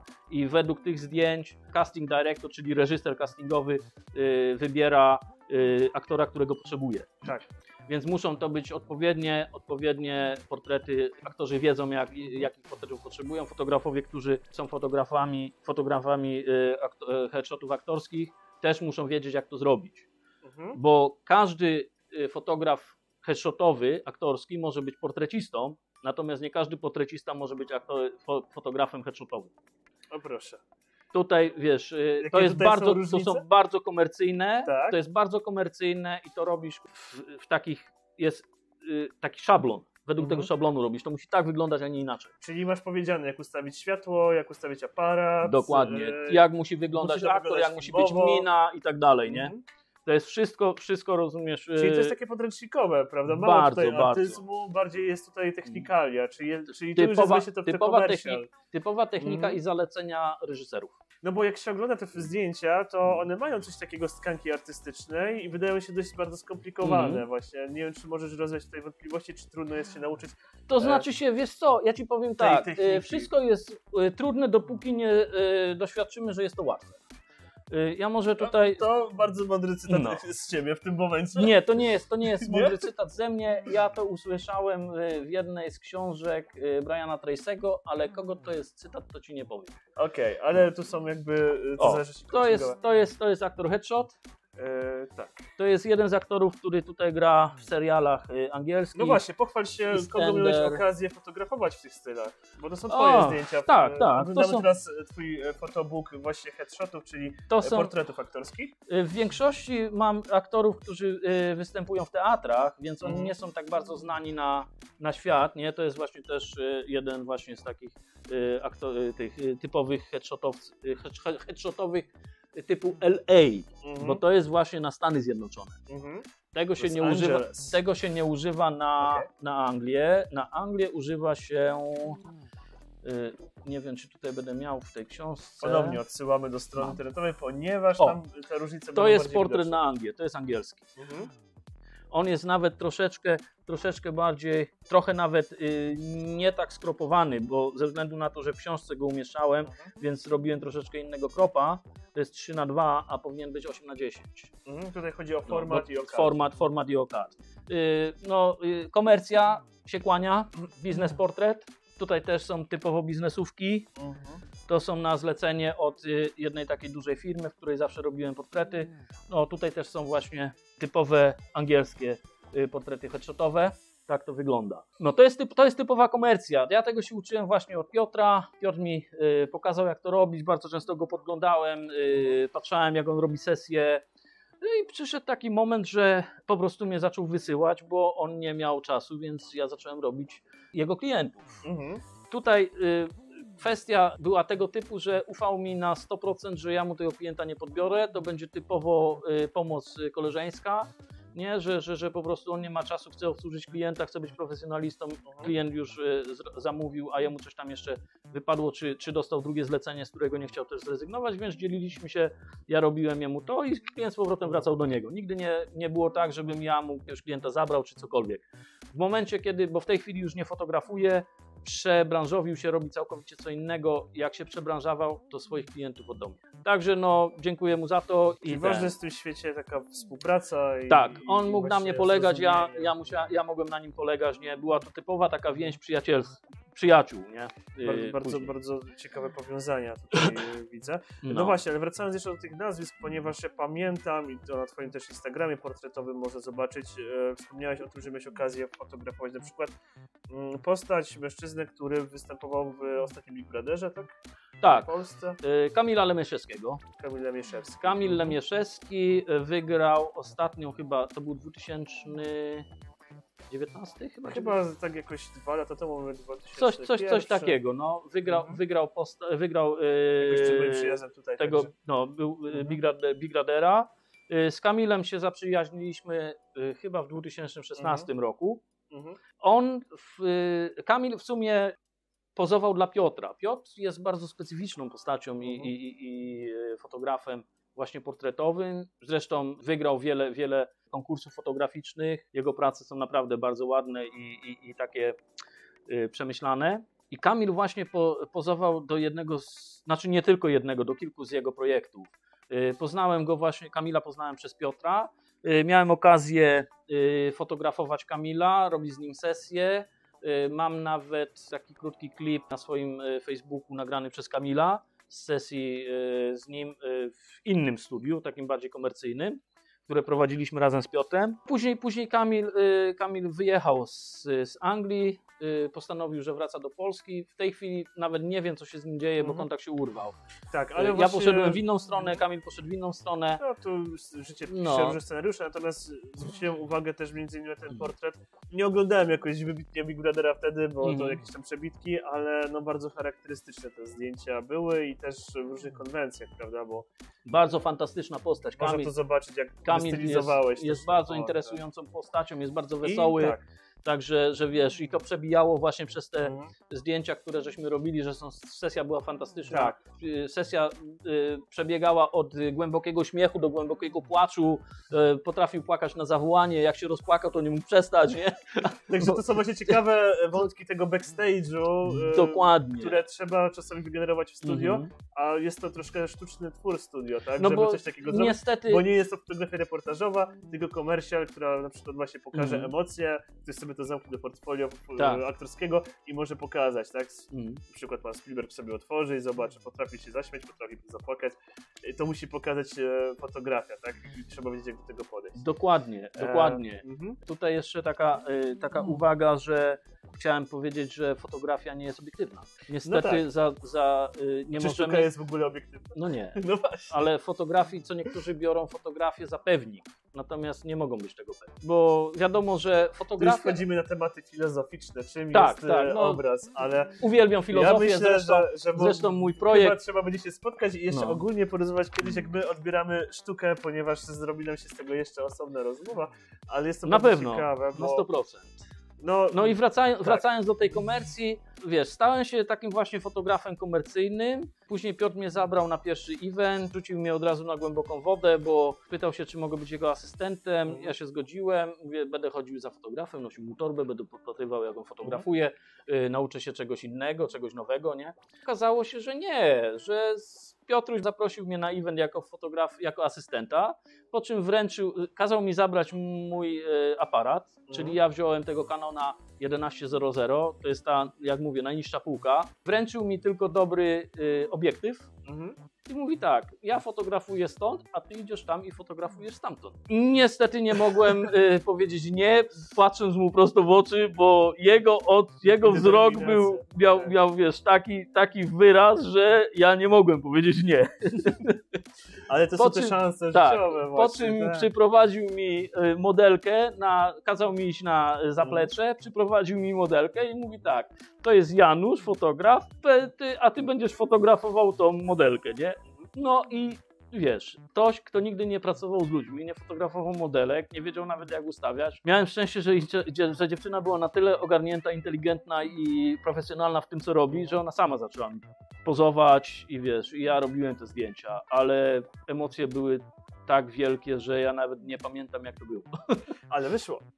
To znaczy się jedno zdjęcie, mam jedno dobre, jedno jedno, dobre jedno zdjęcie. dobre Na- zdjęcie. Na, na ile? Y, tak, oto, y, nie wiem, nie wiem, wiem, że wtedy dużo, ale ten Ale jedno było takie wybitne z jedno sesji. było, jedno było Okej. dobre na tyle, że mogłem je gdzieś użyć. Ja go nie użyłem do dzisiaj, ale mam je w swoim archiwum. Okej. I za każdym razem, kiedy jest mi y, źle i myślę, że czegoś nie zrobię, to sobie je po prostu wrzucam na monitor nie? Tak. i oglądam to zdjęcie, patrzę, co się tam, co się tam działo. A czy odbierałeś to doświadczenie jako taką nobilitację, czyli jakby mm, taką e, szansę, że zostałeś rzucony na głęboką wodę, czy byłeś po prostu zestrachany na tyle, że nic nie myślałeś w tym temacie? To znaczy czy, Czy nie, jakoś się to ja, otwarło na wiesz co, bardziej? ja ci powiem, ja ci powiem w ten sposób, ja jestem, ja jestem osobą Mhm. na tyle ambitną, że nigdy się nie poddaję. Mhm. I, I wszelkiego rodzaju nowe sytuacje motywują mnie do tego, żeby, żeby, Spróbować. żeby e, face it, Mhm. czyli e, podjąć, podjąć wyzwanie. Podjąć O, to ryzyko. podjąć wyzwanie. Mhm. Też się czegoś uczę, bo na przykład nie znam tego słowa. No, Też nie, No, znam, fa- face też nie znam angielskiego na face tyle, that situation, nie? Dla mnie, dla, mnie, dla mnie o tyle się źle. Y, ja nie tłumaczę się, ale y, ja pracuję z ludźmi anglojęzycznymi, więc Mhm. y, pewnego rodzaju zwroty wchodzą Tak. mi w krew i nieraz, żeby powiedzieć to po polsku, no podkreślam, że jestem 15 lat już w Anglii. Mhm. To, Nie, to jest bardzo dobry staż. nie mówię, nie dwa mówię że wakacje. zapomniałem języka, bo, bo, bo zapomniałem, bo to jest mój pierwszy język i, i nigdy go nie zapomnę, Mhm. ale są takie zwroty, które przychodzą y, pierwsze na, na myśl, nie? na skojarzenie. Tak, Dlatego, dlatego nieraz się muszę zastanowić, a nieraz powiedzieć sobie po angielsku i pomyśleć, jak to jest po polsku. Tak, ale ludzie się dziwią na przykład po tym, jak Mm. lecisz przykład do Polski, jak używasz właśnie tych stałych angielskich i odbierają to czasami właśnie jakoś takie, że, się- że się ktoś wywyższa albo coś. Właśnie Nie, nie, jest to, to prawda, nie- bo właśnie, tak, tak rozmawiałem z tobą, ta historia, którą wcześniej Mhm. powiedziałeś, swoich początków i tak dalej, no często ludzie zaczynają to jednak z dużym właśnie strachem, bo właśnie nie znają Mhm. języka, nie znają kultury. To tak samo mnie, do, mnie dotyczyło i jakby przynajmniej ja mógłbym właśnie też doradzić, że e, opinia nauczyciela w szkole to nie jest jakby wszystko, warto właśnie przyjechać i spróbować to na własnym gruncie, a nuż się okaże, że właśnie marzenia i plany rozwiną się zupełnie w ciekawszym kierunku niż właśnie z tej perspektywy takiego właśnie ciągłego wbijania Mhm. e, poczucie, że właśnie, że nie masz wystarczająco kompetencji, że nic nie potrafisz. No, to już jest takie bardziej e, psychologiczne, to co my teraz Tak, rozmawiamy, tak. ale no, jakby znając się już na tyle wiem, że z naszych jakby rozmów można wyciągnąć bardzo wiele wątków, nie tylko fotografia, ale to właśnie e, duża taka też życiowa mądrość, no dla takich ludzi chociażby jak ja, bo nas, nas dzieli, ile nas dzieli? Około 30 lat, No, nie, tak, różnicy.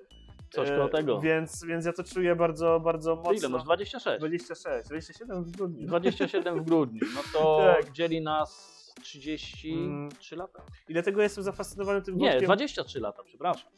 Jakie 33? No 23. bo ja mam 50. No, w matematykę może nie wchodzi, bo jest to gdzieś tam pięta achillesowa moja na no, przykład. na przykład ja też jestem typowym artystą, także. Więc wolę rozmawiać o tych e, rzeczach bardziej e, twórczych. Ja mam gdzie nie 50, trzeba ale, czu, ale czuję się w dalszym ciągu. Moje, moja, mój rozwój e, emocjonalny zatrzymał Tak. się w wieku 26 lat i Mm. nie da rady, nie idzie do przodu. Tak? Ciało się starzeje, natomiast umysł, umysł nie chce, nie? Ale to, to jest bardzo dobra zajawka, bo na, bo na przykład widzisz, no może sobie odpalę kiedyś tą rozmowę, ponieważ trafi na podcast zapewne Mhm. i będzie to taki pszczyczek w nos, że mając nawet te 50 lat, można jeszcze skończyć jakąś edukację w życiu. Można naprawdę zrobić Mm, Można wiele nawet rzeczy. jeżeli masz 70. No właśnie. Słuchaj, moja mamusia ma 71 lat, dziś, e, no dzisiaj, w tym roku. Przepraszam, że mówię wiek, ale to nie chodzi o to, żeby ona się czuła, jak będzie to słuchała, Mhm. żeby czuła się zażenowana. Chodzi mi o to, że w wieku 70 lat ona postanowiła, że szykuje się do karawaningu, nie? Ojej. Czyli swój samochód sama, Mhm. podkreślam sama. Wszelkiego rodzaju prace techniczne, czyli jakieś tam y, łóżeczka, półeczki, kuchenki gazowe, kibelki, podłączenie pryszniców i tak dalej. Mhm. Sama sobie to robi w wieku 70 lat. Mhm. I ona w tym roku będzie wyjeżdżać na karawanie. Ma 71 lat. W tym roku. Tak. Bardzo proszę. Także y, nasza audycja może y, zainspirować Jeżeli, jeżeli chodzi... bardzo szalonych rzeczy. No, jeżeli chodzi na przykład o Wow. nowaliki tego typu jak komputer, internet i, i takiego, że, tak, te- tego typu rzeczy, nie spodziewałem się, że kiedykolwiek ja usłyszę, że moja mama siedzi w komputerze i robi jakiś tam research, nie? czyli jakieś wyszukiwanie. Ona sobie z tym doskonale radzi. Czasami jest lepsza ode mnie. Okej.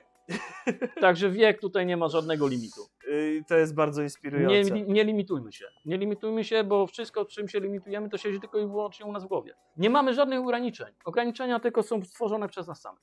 No, będąc osobami kreatywnymi, to jeszcze bardziej może tą poprzeczkę podwyższać przez wyobraźnię, która Mhm. gdzieś tam siedzi, bo zanim powstanie projekt, to trzeba go sobie wyobrazić, trzeba wiedzieć, jakich narzędzi użyć, Tak, a reszta tak. potem leci sama. Tak samo właśnie to jest eksperyment. My dzisiaj eksperymentujemy na, po pierwsze na radio, po, po drugie na po kamerę. drugie nagrywamy.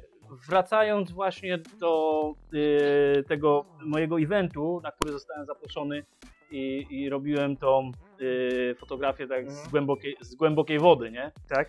To to właśnie otworzyło mi oczy na to, że y, mogę zacząć zarabiać na fotografii. Mhm. Minęło troszeczkę czasu, y, zanim, zanim doszło to do mnie tak na 100% i, i e, postanowiłem się całkowicie przebranżowić z e, budowlańca na fotografa.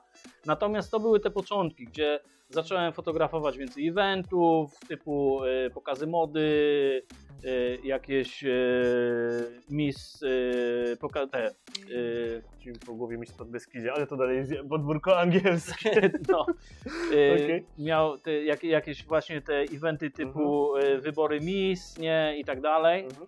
Miałem nawet taki pomysł, żeby tutaj y, wprowadzić na rynek angielski Miss Polonię w porozumieniu z y, właścicielem brandu y, w O. Polsce.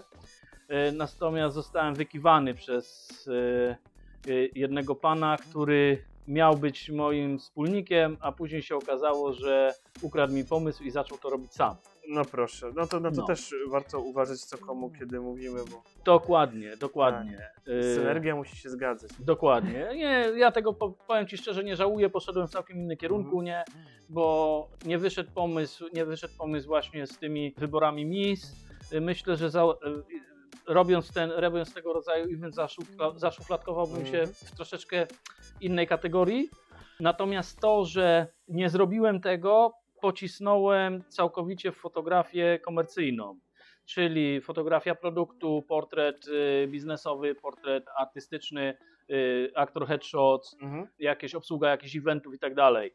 Nie było to dokładnie to, co chciałem robić, ale był to dobry sposób na zarobienie pieniędzy. Mhm. I wtedy już pozostawiłeś budowlankę, robiłeś tego typu rzeczy, czy to jeszcze miksowałeś jeszcze, jeszcze troszeczkę miksowałem, Mhm. ponieważ y, w międzyczasie, w międzyczasie jeszcze była taka historia, że ja się przebranżowiłem. Mhm. Zrobiłem tutaj y, uprawnienia elektryczne, miałem uprawnienia polskie, natomiast nie mogłem pracować jako elektryk y, na wyspach. Zrobiłem uprawnienia elektryczne. Zmieniłem profil mojej firmy z ogólnobudowlanej na elektryczną. Mhm. Także Czyli zająłem tak się całkowicie tylko i ewoluowało. wyłącznie elektryką, tak. To mi pozwoliło na większe skupienie się na fotografii. Byłem po prostu Jest tylko ciężka jedno, droga. jednokierunkowy, nie? artysty? Dokładnie, no, no musiałem tak to jakoś, musiałem zarabiać, żeby, kurde, żeby móc robić to, co, Mhm. musiałem robić to, co muszę, żeby móc robić to, co lubię. O. Zgadza się, tak. No, E, tak No ale to, ale to się skończyło w końcu tym, że postanowiłem całkowicie zrezygnować z budowlanki, zająć się tylko i wyłącznie fotografią. Mhm. Wdrożyłem w życie, Mhm. no i okazało się, że y, miałem taką dosyć y, nieprzyjemną sytuację życiową, troszeczkę mi się tam pokomplikowało. Straciłem praktycznie rzecz biorąc wszystko, co miałem i praktycznie y, zacząłem tonąć. Zacząłem tonąć, Mhm. y, dobiłem do dna, czyli y, stałem się bezdomny, nie miałem domu. Mhm. Y, Tam troszeczkę kłopotów było właśnie finansowych też. Ale to był ten moment, kiedy powiedziałem, że nie, to, to nie jest tak, jak, y, jak y, życie chce, to ma być tak, jak ja chcę. I narodził się pomysł, żeby zacząć studia. No właśnie, to jest Bo- w ogóle szaleństwo. Bo stwierdziłem, że y, przez to, że, zacząłem, Mhm. że chciałem zarabiać na fotografii, nie jestem na tyle dobry komercyjnie jako fotograf, Mhm. nie znam biznesu y, fotograficznego, żeby na nim odpowiednio zarabiać, nie? I dlatego się stało, jak się stało. No to, były, to, to, to jest y, szereg różnych tam powiązań. To nie tylko, ty, nie tylko to, że ja rzuciłem wszystko na głęboką wodę i zacząłem fotografować i straciłem wszystko. To, były, to, to po prostu był y, całokształt całego, całego jak gdyby mojego życia. Nie będziemy o tym mówić, bo to Tak. nie jest tematem naszego podcastu. Y, Skupmy się na, na mojej. Ale y, właśnie, jak, czy to jest tak właśnie, że w momencie kryzysu przychodzą najbardziej ekstremalne pomysły typu właśnie trzeba coś zrobić, bo inaczej po prostu skończę w dołku? Jak to, To jest zna- tą motywacją, że nie mając nic w, tym momencie, bo nie miałeś nic, tak? Stwierdziłeś studia, no i z czego te studia i w ogóle co się działo jakby też z twoimi rzeczami. To jest ciekawy proces jakby wyjścia, nie? To znaczy się, takiego wiesz co, to było nie? tak. y, Tylko proces. Ja, tak jak wcześniej powiedziałem, ja jestem osobą dosyć Hmm. mocną i, i nie, nie daję za wygraną. Lubię podejmować wyzwania. Mhm. Y, To, że wylądowałem na ulicy z, praktycznie z godziny na godzinę i, i nie miałem gdzie się podziać, pieniądze, które miałem po prostu przepadły i tak dalej, nie? Mhm. Bez grosza, bez przyduszy. To, że przeżyłem dzięki Piotrowi Mhm.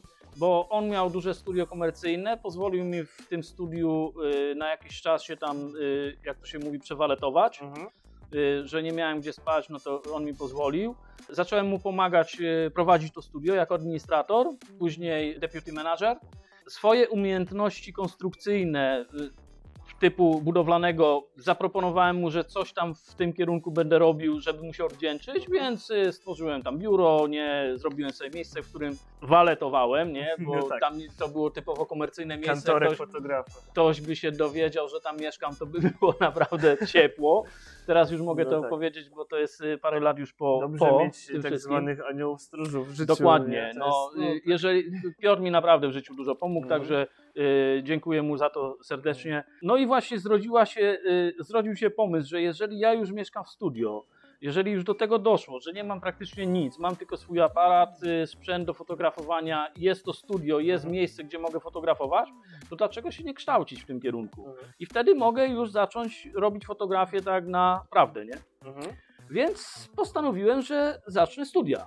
Y, Pierwsze papiery złożyłem na University of East London, czyli na Aha. wschodnim Londynie, Czyli strzał był w ogóle gdzieś indziej. gdzieś indziej. No, okazało się, że oni, żebym zaczął studia, pomimo tego, że jestem po maturze i, i mam Mhm. papiery, które kwalifikowały mnie do tego, żeby, żeby studiować tutaj w Anglii, wymyślili jakieś egzaminy, jakieś tam, y, to miały być takie warsztaty dla mnie z języka angielskiego, z matematyki, A żebym tak się zwany chyba rok zerowy, żeby się przystosować? To nawet, takiego? nawet nie, to było, to było po prostu w, wstępniaka. takie, w formie takiej Mhm. wstępnej, że ja musiałem przejść jakiś tam kurs, zdać egzamin, że się kwalifikuję na studia. Mhm. Więc im podziękowałem, e, złożyłem drugie papiery na University of West London, of East Lon- West London, West London, West West London, tak, bo East London żeśmy mówili, tak. tak. No i e, okazało się, że na pierwszym, na pierwszym e, interwiu, na pierwszym spotkaniu, Mhm. jak przyszedłem i rozmawiałem właśnie z moim późniejszym kurs liderem, tym, Mhm. który mi pomógł e, książkę opublikować, który, który był moim aniołem stróżem, e, on praktycznie spojrzał na moje portfolio i powiedział, a po co ty tu przyszedłeś? No właśnie, to jest takie samo pytanie po tobie co- zada- Po co zadałem. ty tu Po co ci przyszedłeś? studia No. z No, takim doświadczeniem? powiem, że byłem bardzo zaszokowany i Mm. mówię, no znowu kurde się nie udało, nie? Bo y, drugi uniwersytet. Mhm. Wyszedłem i nagle coś mnie tak tknęło, mówi tak, a, no ale dlaczego? Dlaczego ludzie mnie tak traktują, nie? Nie, to tak nie będzie, jak oni chcą, będzie tak jak ja chcę. Umówiłem drugie spotkanie. Poszedłem na drugie spotkanie, na które notabene się spóźniłem, czego bardzo nie lubię. To było spowodowane transportem w Londynie, Mhm. bo y, były jakieś opóźnienia w komunikacji, a ja wtedy też y, miałem limitowane Tak. fundusze, więc to był Tutaj nieraz autobus. 15 km robimy w godzinę, tak? Dokładnie. I Niezależnie od tego, czym się jedzie czasem. Dokładnie, więc to był autobus i ja byłem Tak. bardzo zestresowany, że nie mogłem przyjechać na czas. Mhm. Spóźniłem się, ale wyżebrałem u osoby, która robiła interview. Nie był to już mój kurs, kurs lider, to była moja y, pierwsza Mhm. y, kurs liderka, y, Teresa Mikuria. Jak Mhm. pokazałem jej swoje portfolio i ona tak przeszła przez te wszystkie zdjęcia i tu jest właśnie, tu jest właśnie, y, tu można zauważyć tą różnicę, jaka jest y, pomiędzy Komercją, tak? fotografią artystyczną, A komercją. a fotografią komercyjną. Mhm. I różnicę między y, artystą fotografem, a fotografem, który y, robi typową komercję. Mhm. Ona spojrzała na moje portfolio y, z, z perspektywy fotografia, fotografa artysty. Mhm. Y, Jest to osoba, która napisała kilka książek. y, Jedna książka. No trzymałem jedną w ręku, no, także jedna- pokazywałeś jedna Tak, tak. książek jest również w języku polskim, Mhm. jest to historia światła. I ona popatrzyła tak na to moje portfolio i takie po prostu przejrzała, tak wiesz, prze, przewracała te kartki. Nic nie robiły- poczuła. Nie robiły żadnego wrażenia na niej. I nagle zobaczyła jeden portret. Mhm. I mówi tak. To zdjęcie zadecydowało, że cię przyjmuje na swój rok. Czyli do swojej pracowni. Mhm. Tak, przyjmuję cię na swój rok do, na, Mhm. do, do, do mojego, do, do, do mojej pracowni, nie do, do mojej grupy. Ale A, tylko czyli- to jedno zdjęcie. Czyli to jest tak, że to profesorowie prowadzą daną grupę w zależności od tego, kto im się mi spodoba? Jak, jak to, jest z tym znaczy się, przydziałem? to znaczy się nie, bo ja, Mhm. ja składałem papiery na Mhm. commercial fotografię, czyli na typową to fotografię Tak, bo, bo to Cię interesowało i, i jakby stąd wyszedł w ogóle pomysł o tym, żeby studiować, tak? Rozumiem, no, że... Ja chciałem, Mhm. chciałem być typowo Zrozumieć ten rynek, chciałem tak. zrozumieć biznes fotograficzny Mhm. i tak dalej, nie jak to się działa, z czym to się je. Tak. Nie chodziło mi o to, w jaki sposób robić zdjęcia, ale jak y, robić te Jak, jak, jak je sprzedać też. Jak się, nie, jak się sprzedać. No, jak być menadżerem, jak robić e, To, to, to jest bardzo dobra uwaga też dla tak polskich dalej, nie? studiów, bo tego bardzo potrzeba. Ja jestem też po kierunku projektowym, ale właśnie brakuje takich też przedmiotów właśnie typowo biznesowo-marketingowych. Nie wiem, czy tego doświadczałeś, chociaż... Dla mnie, dla mnie, wiesz co, Mhm. dla mnie to było tak, że ja idę na studia po to, żeby się nauczyć prowadzić biznes. O, to to właśnie jest ważne. To jest ważne. Dla mnie, dla mnie to było, wiesz, to, W pracach, to, to, e, to kreatywnych nie? Bardzo ja wiedziałem, że ja potrafię robić zdjęcia, ale nie potrafię Mhm. prowadzić biznesu w formie fotografa, nie? Tak. Robiłem to bardzo dobrze jako y, budowlaniec i miałem, miałem Mhm. naprawdę, naprawdę dobre y, rezultaty. Natomiast y, no nie potrafiłem tego zrobić jako fotograf. To był całkiem inny rynek, Mhm. coś nowego dla mnie, ja nigdy tym nie Wiesz. Ja się troszkę identyfikuję z tym No. takim myślenia, bo właśnie budowa też gdzieś tam mnie dotykała w różnych tutaj historiach emigracyjnych, ale to jest totalnie nie to, co by się chciało w życiu robić, kiedy jest gdzieś ta pasja podskórnie. Dokładnie. Ale kto ma nas tego biznesu nauczyć, nie? Jak właśnie artyści wychodzą, mówię teraz o Polsce, bo jestem Mhm. po polskiej szkole, nie? Wychodzą i po prostu bez jakiegoś takiego kuratora, opiekuna właściwie nie istnieją. Ale No, widzisz, Z pomocą to jest przychodzi social media, jest- prawda? Ale to też trzeba wiedzieć, jak to prowadzić, jakich narzędzi używać, prawda? ale to jest widzisz to, czego ja oczekiwałem, Mhm. ale ja nie powiedziałem, że to dostałem. Bo nie poszłeś finalnie na komercjal, poszłeś na art, Ale tak? na, na komercjały też tego nie uczyli. Aha, czyli jednak nie jest tak do końca. Studia to nie jest to, o czym ja. Znaczy, studia nie wyglądają w ten sposób, jak ja sobie je wyobrażałem. Aha. Y, Studia nie uczą tego, jak robić biznes. Mhm. Studia uczą tego, żebyś umiał sobie wyszukać pewne wiadomości w Mhm. życiu, żebyś zrobił research, żebyś zaczął myśleć samodzielnie Mhm. i że- żebyś zaczął szukać tego, co ci jest potrzebne. To jak twoim zdaniem do Ja czego dopiero- one doprowadzają? Ja dopiero po Mhm. ukończeniu studiów zrozumiałem to, że y, ja nigdy się nie nauczę w szkole, bo w, szko- w żadnej szkole nie uczą tego, jak prowadzić biznes. Nawet na studiach Mhm. typu business management Mhm. nie uczą cię tego, jak prowadzić biznes. Ty musisz się nauczyć tego sam. Jest paradoks edukacji czasem, tak? Y, niekoniecznie. Nie? Bo nie wszyscy uczą się na studiach do tego, żeby y, prowadzić samodzielnie biznes. Jest wiele osób, które y, kończą studia tylko po to, żeby pracować dla innych. I y, wiesz, y, tu chodzi, chodzi tylko, tylko i wyłącznie o to. To jak, tak jak mówiłem, nawet, nawet studia komercyjne w sumie nie przygotowują cię do tego, żebyś ty prowadził sam biznes. Mhm. Y, one cię uczą, jak to robić. Ale zauważ, że y, wiele osób kończy te studia, żeby pracować dla kogoś. I one zaczą- zaczynają pracować w firmach Mhm. i tam są edukowane. Mhm. Bo nie zaczynasz od razu jako powiedzmy biznes menadżer, Mhm. tylko zaczynasz od tych niskich pozycji, uczysz się. Mhm. Ci ludzie, którzy już pracowali, którzy zostali wyszkoleni przez daną firmę albo inne firmy, w których wcześniej pracowali, oni cię wprowadzają w ten świat. I ty przez to, że jesteś kreatywny, że cały czas się uczysz, że czytasz powiedzmy jakieś materiały, które są już wiesz, typowo w tym kierunku, w którym ty pracujesz, że się rozwijasz, robisz szkolenia i tak dalej, to Mhm. to cię w jakiś sposób uczy, jak to robić. Okej. Więc Ale czy studia na przykład podrzucają tego typu tipy, czy to jest naprawdę takie to na maksa indywidualne? wszystko zależy od tego, jaką jesteś osobą. Aha. Jeżeli jesteś kreatywny, jeżeli umiesz sobie poradzić na studiach i, i, i robisz dobrze research Mhm. I słuchasz, czego chcą od ciebie twoi wykładowcy na studiach i jak cię prowadzą, Mhm. to to cię przygotowuje do tego, żeby, Mhm. żebyś sobie poradził e, w innych sytuacjach swojego życia, które są podobne. Okej. Bo całe życie to jest jeden wielki projekt. To prawda, który się nigdy nie kończy. Dokładnie. Więc W jeżeli... momencie ewentualnej śmierci, tak? To wtedy można powiedzieć, że coś zostało dokonane. Więc, więc wiesz, E, ja, tak. ja y. Skoń, jak, w momencie, kiedy ja skończyłem studia, to wtedy zacząłem następny projekt. Postanowiłem, że otworzę studio i Mhm. będę pracował jako fotograf i z tego Mhm. się utrzymywał. Mhm. Ale żeby zrobić ten projekt, więc musiałem zrobić research. Więc musiałem sprawdzić sobie rynek, sprawdzić więc wszystko. musiałem sobie sprawdzić, y, sobie powiedzieć, co będę robił, Mhm. jakim będę fotografem, w czym się będę specjalizował, co chcę robić i tak dalej. Mhm.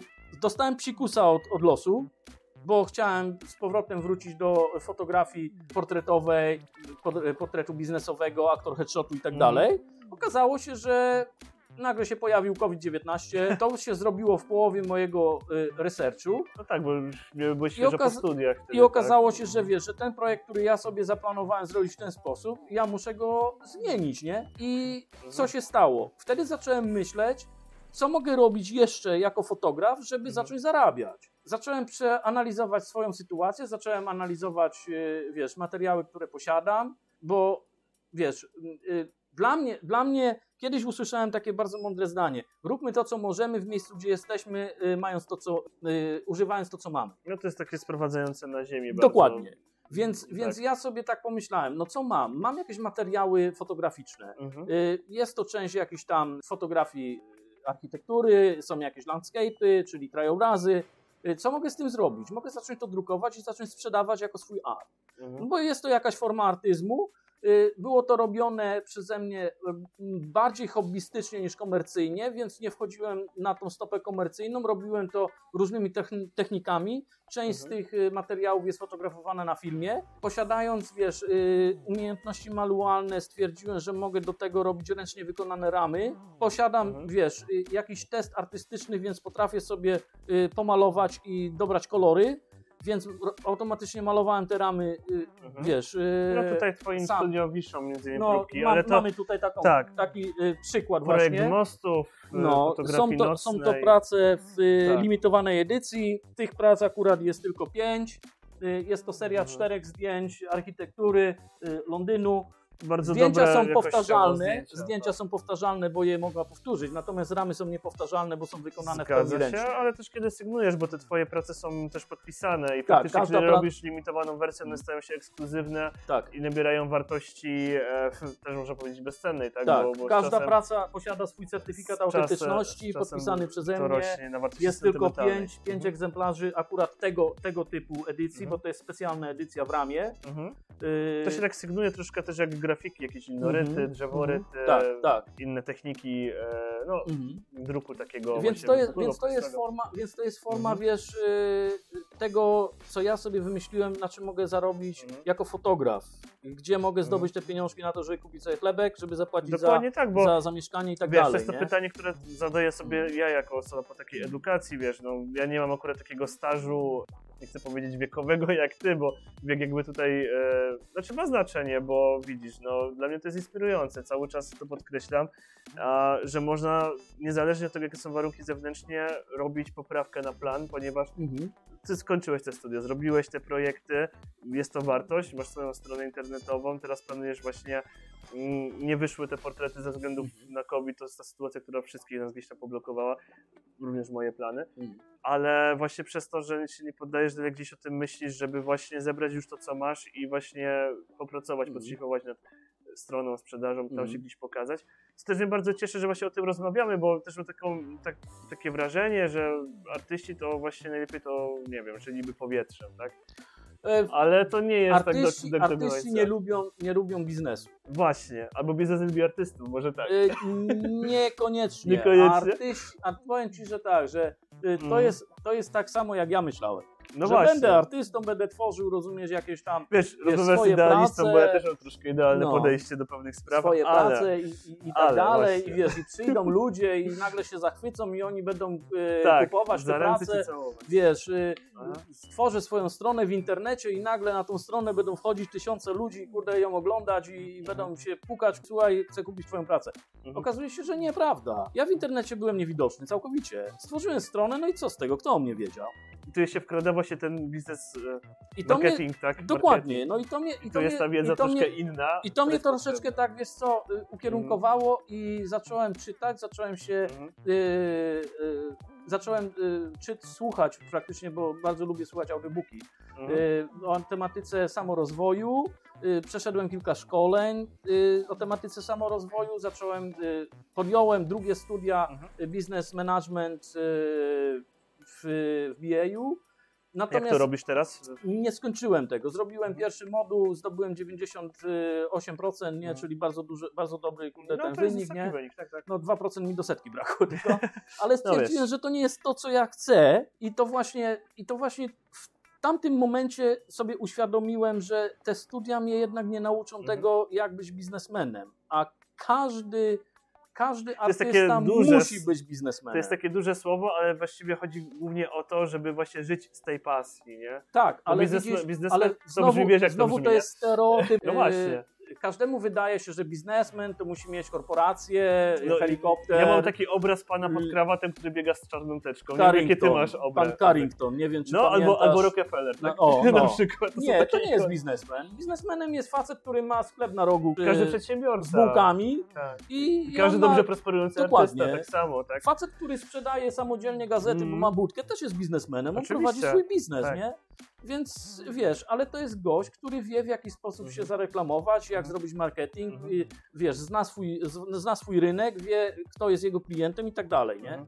Więc y, Jak kiedyś Tu- artyści mieli z bani, bo mieli tak zwanego marszanda, tak? tak, tak, no w tej chwili jest troszeczkę inaczej. Dzisiaj marszand zamienia się na właśnie słowo kurator, albo właśnie jakiś menadżer. w tej To chwili bardziej jest, w biznesie, możemy tak? wrócić do tego, co powiedziałeś wcześniej. Mhm. Każdy, kto ma telefon komórkowy jest fotografem. Czyli każdy jest menadżerem swojego losu? To, chcia- to można To myśleć? znaczy się nie. To jest to, że każdy chce sprzedawać swoje zdjęcia Aha, y, na, no na w kulturze w internecie pojawia się chyba około miliona zdjęć dziennie, Codziennie, tak. więc wiesz, to, że ja wstawię swoje zdjęcia, to nie znaczy, że one będą zaraz widoczne, nie? A czy to też jest Wiesz, to pytanie, przykrywa kto chce, no nie ukrywajmy się, każdy kto ma jakieś konto na social mediach, to jest jakaś sprzedaż wizerunku. Nie zależy od tego, czy prowadzi się Hmm. Tak, to do, czy, czy do prywatnych, czy komercyjnych, widzisz, bo tu, tu dajemy, prze- puszczamy, tak? ale Jakiś- tu przez, to, swojego tu, życia. przez to, tu przez to, że Mhm. ja zacząłem się bardziej troszeczkę interesować biznesem, Mhm. y, idąc jednocześnie jako artysta, Mhm. i, i, i robiąc y, to, to wyszukanie, w jaki sposób mogę sprzedać swoją sztukę, w jaki Mhm. sposób mogę sprzedać swój produkt, bo moja sztuka jest moim produktem, nie? Mhm. Czyli jestem biznesmenem, jestem artystą, produkuję produkt w formie artu, ale to jest mój produkt i ja go chcę sprzedać. Dokładnie. Więc zacząłem się tym interesować. Okazało się, że na początku to ja muszę poznać swój produkt, muszę wiedzieć, co ja produkuję, później muszę Mhm. znaleźć swojego klienta, bo muszę wiedzieć, kto jest moim klientem, kto chce kupić ten produkt i teraz zacząć go szukać. Bo klient do ciebie nie zapuka. No to już jest y, ten model, w, w którym Ty musisz się tak. pokazać komuś, nie? Do kogo, I dlaczego, dla- po co, to Dokładnie. trzy cele. Dokładnie. I, To troszkę więc, z projektowania tak samo jest, nie? i, i właśnie i to są, i, i po to są studia. Żebyś ty to, nie, nie musisz tego zrozumieć od, od razu. Samo wychodzi z siebie, przez to, No że właśnie. ty wiesz, że ty zaczynasz yy, Czy to się tak naprawdę z pierwszym zleceniem chyba tak naprawdę zaczyna, tak? Że ktoś do ciebie przychodzi i ty musisz chcieć rozwiązać jego problem. Tak, tak, dokładnie. E, to Dokładnie. troszkę z branży projektowania graficznego, jak miałem jakieś Mhm. właśnie zlecenia pierwsze logotypów, no to Mhm. właśnie najpierw trzeba zrozumieć człowieka, jego ideę, Tak. filozofię, cel biznesu firmy, a dopiero potem przetwarzasz to przez swoją wrażliwość, tak? Dokładnie. No ale żeby właśnie mieć taką wolność twórczą, to też ciężko jest zajmować się tą stroną Ale papierologiczną. później jako artysta musisz to odwrócić.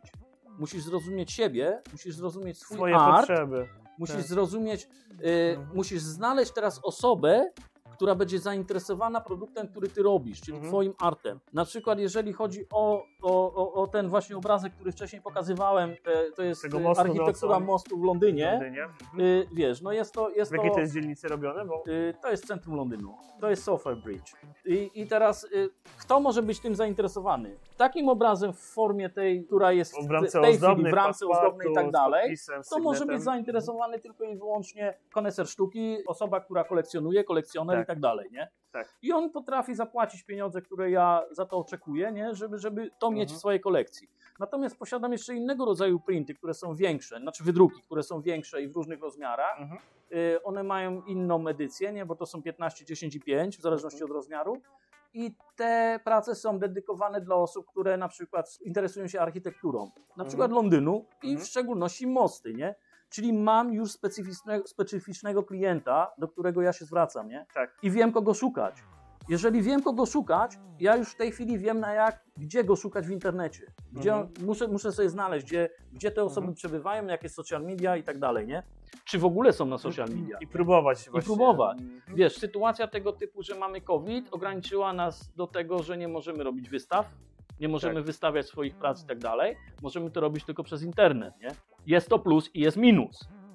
Nie? Plusem jest to, że praktycznie rzecz biorąc koszty zostały obcięte do minimum, bo wystawy elektroniczne, typu te wi- wirtualne wystawy są y, naprawdę tanie. Musimy sobie znaleźć ludzi, którzy nas Żeby- odwiedzą. tak, żeby to chcieli zrobić. Nie? Albo zakupić już powstałe prace, tak? To, Minus wystawy takiej naturalnej jest to, że jeżeli pójdziesz do, do galerii sztuki ze swoją pracą, to na pewno tam nie wystawisz. Bo tu w Londynie jest tak przyjęte, że to kurator ma znaleźć ciebie, a nie ty masz znaleźć kuratora, Kuratora. jako artysta, nie? Ja to słyszałem od kuratora, to mi powiedział kurator, którego znam, z którym rozmawiałem i y, notabene też wystawiał mi opinię na temat mojej książki, nie? Mhm.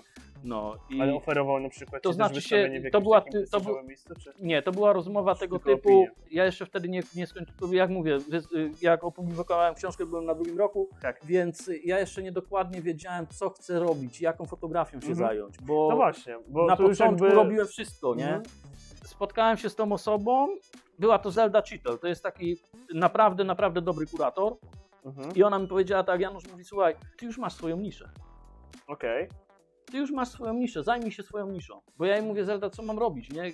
Może No zacząć podróżować, pytanie, może, tak. wiesz, może Azja, może zacząć fotografować tego, nie? Ona mówi, nie, Janusz, ty masz swoją niszę, zajmij się swoją niszą. Nie powiedziała mi nic więcej. Zacząłem myśleć nad tym, co ona mi powiedziała i wtedy mówię tak, no tak, no jeżeli ona widziała tą książkę, no to jest tak, dokument i portret, nie?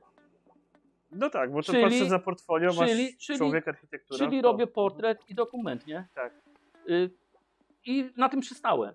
Okej. I zacząłem, zacząłem po prostu Okej, bo teraz właśnie jakby spiąć się teraz klamrą jakby ten e, okres studyjny, bo zaraz przejdziemy właśnie do Mhm. omawiania dalszych projektów twoich artystycznych, które są bardzo ciekawe, e, ale właśnie przez to, że ta rozmowa wygląda tak jak wygląda, nastawiamy na cierpliwość wszystkich słuchaczy, mam nadzieję, że jest to w miarę ciekawe. Na pewno jest ciekawe, bo ja, ja się tym mega fascynuję, m, tymi opowieściami. Właśnie, finalnie, tak w kilku zdaniach byś mógł powiedzieć, co dały ci e, studia, dlaczego właśnie e, postanowiłeś je skończyć, nie rzuciłeś tym, mając już taki warsztat, jaki miałeś. były takie myśli na ostatnim roku. Domyślam Ale- się. Ale y, żeby dojść do tego, to muszę jeszcze wrócić do pierwszego roku. Po pierwszym Mhm. półroczu przyszła do mnie właśnie moja y, pierwsza liderka Mhm. kursu, moja opiekunka i y, mówi Janusz, Teresa notabene, ta, która mnie przyjmowała, która, dzięki której zacząłem te studia Aha. w ogóle i mówi Janusz, słuchaj, rozmawialiśmy o tobie y, z gronem pedagogicznym i wszyscy doszliśmy do wniosku, że na komercyjnym nie możemy cię nauczyć nic Mhm. doszliśmy do wniosku i wyszliśmy z propozycją, żebyś zmienił kierunek na artystyczną Mhm. fotografię. Jeżeli połączysz swoją komercję z artyzmem, to wtedy możesz coś dobrego osiągnąć. No ja mówię, dlaczego nie? Mhm. Jest propozycja, podejmuję wyzwanie. Czyli znowu jest ten Na element drugim, e, na drugim półroczu Okej. wyzywałem na samego siebie. Aha. Była No to- historia sztuki, Tak, bardzo dużo pisania w języku angielskim, eseje. eseje, wypracowania, robienie, tak. robienie właśnie jakichś tych Za dużo takiej pracy intelektualnej, nie? Niż, Bardzo, niż, bardzo. e, To było- e, To było techniczne. typowe studia humanistyczne. No, coś, Dopiero coś o tym Później wiem, tak. się zaczęły, W Polsce wiesz, troszkę podobnie no, wygląda. dopiero później się zaczęły projekty, Tak. nie, i tak dalej, ale było bardzo, bardzo dużo pisania historii nauki właśnie, y, Mhm. poznawania historii fotografii, nie tylko fotografii, również artu, odwiedzania y, różnego rodzaju wystaw, galerii i tak dalej. Y, Praca w sumie w y, przygotowywaniu wystaw, nie, wiesz, y, od środka jak gdyby, Aha. nie, jak, nie od strony fotografa, ale od strony, rozumiesz, kurde, wiesz, kogoś, kto przygotowuje y, wydruki i tak dalej, nie? No wszystko, wszystko, wszystko rozumiesz, co, czego nie mogłem się y, nauczyć na komercjalu, nie? Mhm. No to jest ważne, bo to tak jak właśnie w tych No. opowieściach o analogowej fotografii, że właśnie wszystko zrobiłeś od zera, Mhm. to troszkę wróciłeś do tych korzeni, ale od już strony tej takiej właśnie mm, printowej, czyli drukarskiej, troszkę digi- digitalowej, bo to już jest inny jakby świat. No, ciekawe, momencie. ciekawe jest również to, że Mhm. na pierwszym roku studium mieliśmy właśnie fotografię na filmie.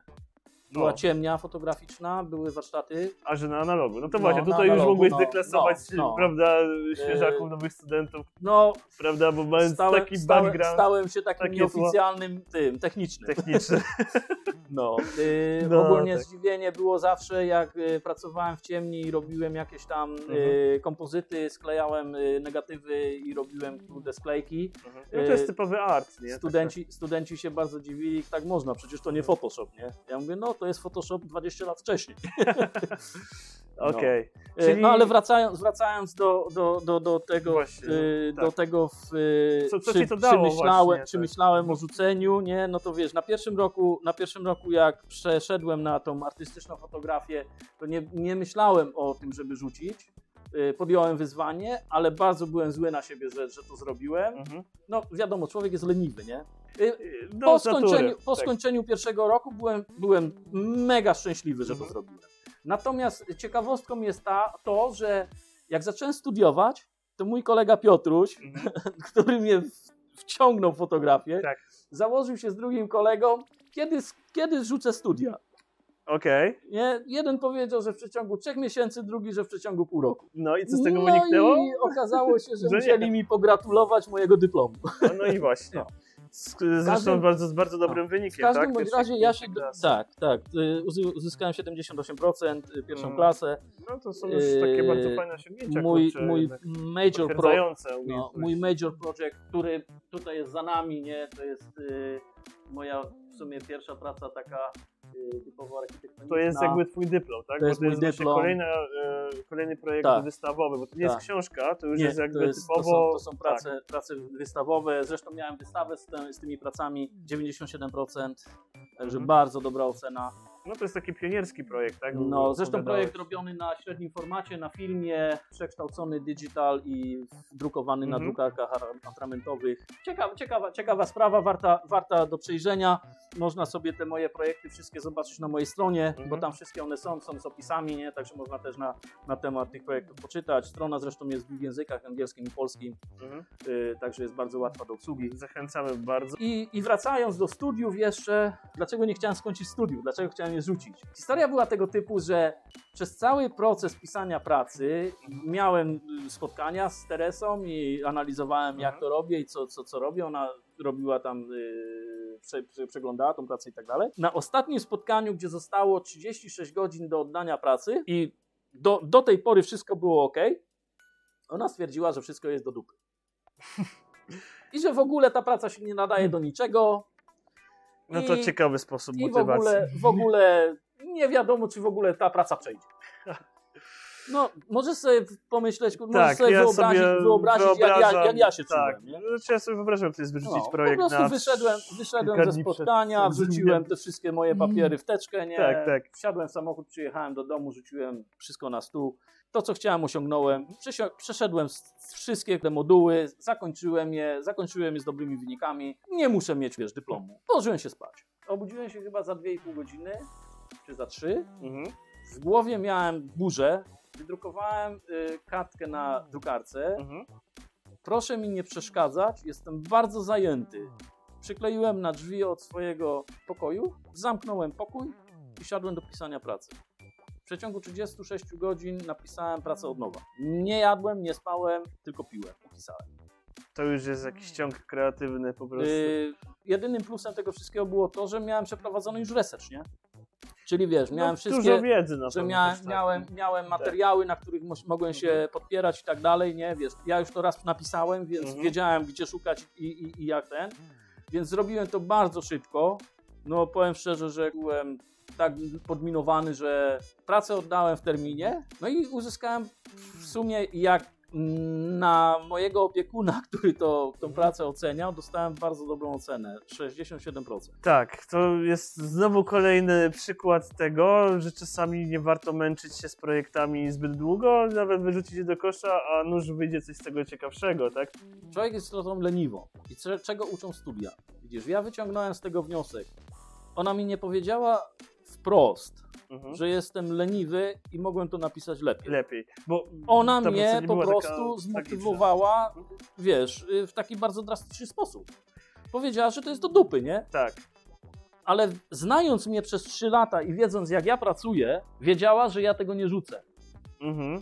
no szkoda byłoby Nie? Była, wiesz, była, była, była motywacja. E, tak, Taka właśnie. bardzo śmieszna anegdota z Tak. mojego pierwszego roku, kiedy jako, e, wiadomo, wychowany w Polsce, wszedłem do pokoju y, tych lektorów i y, Mhm. mówię, że przepraszam bardzo, mam takie pytanie, jak się powinienem zwracać, no bo w Polsce się mówi panie profesorze na studiach, nie? Tak. A tu widzę, że studenci, studenci mówią po imieniu, nie?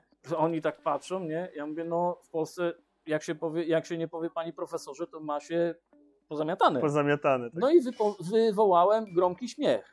Zaczęli się śmiać i mówią, że jeżeli ja sobie tak życzę, to oni bardzo No, chętnie. to mi się bardzo podoba to Ale podejście tutaj, normalnie, normalnie po imieniu się mówi. tak. Chociaż także- na studiach artystycznych w Polsce też, też czasami nie ma tych barier. Mm. Zależy, Mm. z kim się wchodzi w relacje. Ale Anglia Mm. to jest naprawdę niesamowity, niesamowite skracanie dystansu i też taka łatwość właśnie w w Anglii, komunikowaniu w się. Tak. Anglii lektor jest dla studenta. Mhm. nie student dla lektora. Bo lektor jest po to, Tak. żeby, żeby To studenta nauczyć. Tak. Jeżeli student nie rozumie, to lektor jest po to, żeby, żeby mu wytłumaczyć. Ja na Mhm. przykład jak na module fotografia dokumentalna, y, którego, który prowadził y, Jaron Lapid, bardzo, bardzo dobry fotograf i wideografer, Mhm. no wspaniały człowiek, to właśnie na bazie tego projektu powstała moja druga książka y, C, czyli Widzieć. Czyli widzieć. Już płynnie przechodzimy do No. kolejnej rzeczy Yy. artystycznej, którą stworzyłeś. No, Ten projekt mnie chyba najbardziej zaciekawił, dlatego że w Anglii mamy Mm. typowo dzielnicę Mm. hasycką, Tak, czyli żydowską, Żydów ortodoksyjnych. tak. No, miałem raz okazję przejeżdżać przez tą dzielnicę. lec- Tutaj pokażemy, pokażemy też właśnie tą książeczkę. To Eee, wygląda w ten sposób. Pod spodem jest tytuł angielski C, natomiast u góry jest tytuł w języku. Jidysz, tak? I, tak. Jidysz. Mhm. to też oznacza widzieć. widzieć. Fajny, krótki tytuł, a faktycznie jest to taki przykład takiego, mówiąc żargonem artystycznym, y, mięsa reporterskiego, ulicznego, tak? Zastanej chwili. No, właśnie taki jestem. Bardzo lubię fotografię. To do mnie y, bardzo przemawia, bo ja właśnie też taką fotografię uwielbiam. Właśnie candid fotografię, jak to się mówi w Anglii. Tak. Y, No, możesz zobaczyć. Przejrzymy. Przejrzyj sobie. Najlepiej mi się właśnie tak fotografuje. Y, Do stworzenia tego projektu użyłem kilku technik, bardzo dużo fotografowałem, y, żeby w ogóle uzyskać jakiekolwiek zdjęcia. Y, Zresztą jak zaczynałem i przedstawiłem swój temat swojego projektu właśnie Jaronowi, który się urodził w Izraelu, powiedział mi od razu, to jest nie do wykonania. No właśnie, i o, o tym takim znowu początkowym zniechęceniu. Co zrobił Janusz Miarka, usłysząc, że jest to nie do wykonania? Podjąłem wyzwanie. Podjąłem wyzwanie. Podjąłem wyzwanie, powiedziałem, słuchaj, tak, słuchaj, jeżeli nie ty, to kto? właśnie. I teraz, czy była to trudność? Y, Trudność była w tym, że społeczność hasycka jest bardzo zamknięta i oni Mhm. praktycznie nie wpuszczają nikogo do siebie. Ja próbowałem do nich dojść bardzo różnymi drogami, nie za bardzo mi się to udawało. Różnych trików próbowałem. Mhm. Było nawet tak, że po prostu fotografowałem street, robiłem typowy street fotografii, y, różnymi aparatami, różnymi technikami. y, tak, Fotografowałem z daleka, fotografowałem z bliska, z zaskoczenia. Fotografowałem techniką y, winogranda, czyli aparat powieszony na przeponie i wyzwalasz w kieszeni. Y, Mhm. No, są, są różnego rodzaju techniki, które, które można, można właśnie y, stosować. Natomiast ta fotografia nie miała wyrazu. To nie było to, Mhm. czego chciałem. Chciałem dotrzeć do tej społeczności Tak jak to zrobiłeś w projekcie y, z wioską z wioską Sekaka. Sekaka. Tak. Chciałem, żeby, żeby poznać tych ludzi i przez to, że ja ich poznałem, zacząłem ich fotografować i, i, No wys- ten i, po prostu, i po prostu pokazałem przez swoją fotografię to, jacy ci ludzie są naprawdę. Mhm. Bo na tych zdjęciach widać, co oni czują, widać ich duszę. No, oglądając, oglądając te zdjęcia, po prostu możesz się z nimi utożsamić. Nie? Mhm. I to samo chciałem po prostu zrobić. e, Wciągać się po prostu do środka jakby tej całej historii, Mhm. tak? Bo widzimy, widzimy tych Żydów, mm, społeczność hasycką w codziennych sytuacjach, gdy robią zakupy, jak Tak. przemieszczają się z punktu A do punktu Mhm. B. Są też zdjęcia z miejsca pracy, jak Mhm. sprzedawca, sklepikarz. E, no, ja miałem takie odczucie od razu, miałem w głowie właśnie obraz filmu wojennego, tak? Mhm. Y, Z czasów tam właśnie II wojny, gdzie właśnie na przykład w Polsce tak była Mhm. też taka społeczność żydowska dość, dość duża. No i właśnie zdziwiłem się, że właśnie w Anglii jest taka kolebka, nie? Mhm. Jest ich bardzo dużo. E, Bo jeszcze widzisz, musisz powiedzieć, jaka, jak nazywa się ta dzielnica, jak, ona jest ulokowana. E, To jest Stamford Hill. To jest właśnie to miejsce, w którym te, ci, ci, ci e, ludzie mieszkają i tam jest ich cała społeczność. Mhm. Zresztą to jest, to jest taka charakterystyczna część tej książki, że Mhm. ta mapka jest jedyną kolorową stroną Elementem. z jednej i z drugiej strony. Mhm. I to samo mamy w drugiej, w tej w pierwszej mojej książce y, Sekaka, że y, jedynym kolorowym elementem y, tej książki to są pierwsze właśnie Pierwsze dwie strony. strony, które przedstawiają y, rękodzieło, czyli artyzm ludzi, którzy tam mieszkają i są przez nich sprzedawane te, te, te, te dzieła artystyczne, żeby się utrzymać, nie? Żeby, Mhm. żeby, żeby, no, to jest taki właśnie charakterystyczny element tych dwóch książek. Mhm. Y, No i tak wraca, wracając do Właśnie, samego bo projektu, pierwsze próby, jeśli Mhm. chodzi o społeczność hasycką, były Mhm. nieudane, stwierdziłeś, że byłeś zadowolony, tak? były bardzo nieudane, Mhm. nie mogłem zrobić tego, co chciałem, nie mogłem się skupić na tym, co chciałem. Próbowałem poznać tych ludzi, próbowałem y, z nimi rozmawiać. Mhm. Miałem nawet taką sytuację, że zaprzyjaźniłem się na trzy dni z y, trzema mężczyznami hasyckimi, którzy prowadzili swój sklep. Pozwolili mi nawet na to, żeby sfotografować ich i zrobić portret. Mhm. I na tym się skończyło. Miałem trzy portrety, a do swojego projektu potrzebowałem minimum 10. Zgadza I się. Po tych trzech to dniach jest- zostałem w delikatny tak. sposób wyproszony ze sklepu. Nie, y, nie zrobili tego chamsko, zrobili to kulturalnie, nie, ale y, dali mi do zrozumienia, że po prostu nie chcą mieć nic ze mną do czynienia. Nie? Aha. Wracając do tego, co mówiłem, że tutaj jest lektor dla studenta, a nie student dla lektora. Mhm. Ja praktycznie co tydzień rezerwowałem sobie czas z Jaronem, żeby Mhm. z nim przedyskutować moje kto to jest postępy. Jaron? Jaron to jest właśnie ten, tak jak mówiłem, Jaron e, Lapid to był e, lektor, który prowadził właśnie ten moduł. Czyli ktoś ze środowiska właśnie fotografia, społeczności y, fotografia, tak, to, był, to jest profesor. profesor. To jest profesor, nie? Który, który prowadził Mhm. moduł w foto, dokumentry fotografii? Okej. czyli fotografia No dokumentalna. dobrze to wyjaśnić, żebyśmy to No. mieli. Tak, po- no po i, kolei. i tak jak mówiłem, urodził się w, w tym, Mhm. w Izraelu, nie? Także bardzo blisko rozumiesz z tą, z tą społecznością. Zgadza się. Ten pomysł powstał na, na bazie tego, że profesor, czyli wykładowca urodzony w Izraelu, Mhm. ja pochodzę y, z Częstochowy, czyli społeczność żydowska, bardzo bliska. Lelów, Każde większe miasto w Polsce miało, Radomsko. swoją, swoją dzielnicę. później y, Łódź, Częstochowa praktycznie żydowska, Kłobuck, bo ja pochodzę z Kłobucka, Mhm. całkowicie żydowski, nie? Więc y, wiesz, ja jako dzieci, dzieciak nie miałem do czynienia już z tą społecznością, no bo praktycznie rzecz biorąc, tak jak zauważyłeś, w- Transformacja ten, nastąpiła. w Mhm. okresie wojny y, bardzo dużo z tych ludzi zostało y, wymordowanych i, i wiesz, i, Tak. i później nie mieli nawet y, możliwości powrotu. Część z nich y, emigrowała, nie, czy do Izraela, czy, czy, czy właśnie do Anglii, Mhm. ale jest jakaś część kultu, kultury właśnie żydowskiej, tej hasyckiej w tych regionach, w których mieszkam. To mnie właśnie zaintrygowało, bo dla mnie nie ma bariery narodowej, nie ma bariery kulturowej, nie ma bariery wyznaniowej. Dla mnie człowiek jest człowiekiem, każdy jest jednakowy i nie jestem y, rasistą, nie jestem y, przeciwny innym wiarom. Traktuję wszystkich jednakowo i szanuję każdego jednego bez, bez względu na to, jakie jest narodowości, koloru skóry czy wyznania. To też jest bardzo takie londyńskie, patrząc jak otwarte jest to miasto, tak? Chociaż Niekoniecznie. Londyn chociaż są jest takie bardzo ra- rasistowski. Okej, to jest odważna teza, ale nie zagłębiajmy się jakby w ten Mhm. temat, natomiast ja bardziej mówię o takiej ogólnej, e, no to można powiedzieć polityce, nie? Jakby, Mhm. że widzisz i Żyd, i muzułmanin, i Hindus, Londyn i Polak znajdzie swoją jakąś... Londyn jest international, miejsce, czyli tak, międzynarodowy. międzynarodowy. Londyn to jest miejsce, w którym spotykają się wszystkiego, wszystkie Mhm. kultury, wszystkie narodowości Mhm. i wszystkie Przez to jest takie fascynujące i No. właśnie można Niekoniecznie, niekoniecznie się lubią, E, Okej, dlatego tworzą się dzielnice, mhm, dlatego na przykład Hasydzi mieszkają tutaj, a nie na Leyton, okej. bo na Leyton mieszkają raczej muzułmanie. Mhm. A też Nie? mówimy o tych takich skrajnie radykalnych grupach, bo na przykład Polacy miksują się pomiędzy tymi, chociaż nie wiem, Są czy na też dzielnice- hasyckiej są- mieszkają Polacy. na Tak, przykład, tak, tak. Jest Czyli bardzo jest to Polaków. normalne i nie, nie ma I tam powiem z tym Ci problemu. szczerze, że bardzo dużo y, Polaków jest zatrudnianych przez Hasydów O, i oni widzisz. sobie bardzo cenią ich jako pracowników, nie? No, Polaków generalnie chyba sobie cenią ludzie tutaj na wyspach. No, ale wracając do, te, do, do właśnie tak do tego, słyszałem że, przynajmniej. tak, Y, ale wracając do tego, y, że y, wykładowcy, przepraszam, wykładowcy Mhm. są dla studentów, a nie studenci dla wykładowców. Jaron poświęcał mi bardzo dużo czasu. Mhm. Dyskutowaliśmy na temat właśnie mojego projektu. Ja mu pokazywałem, co robię. Praktycznie rzecz biorąc, do ostatniego, do ostatniego dnia wszystko było na nie. Mhm.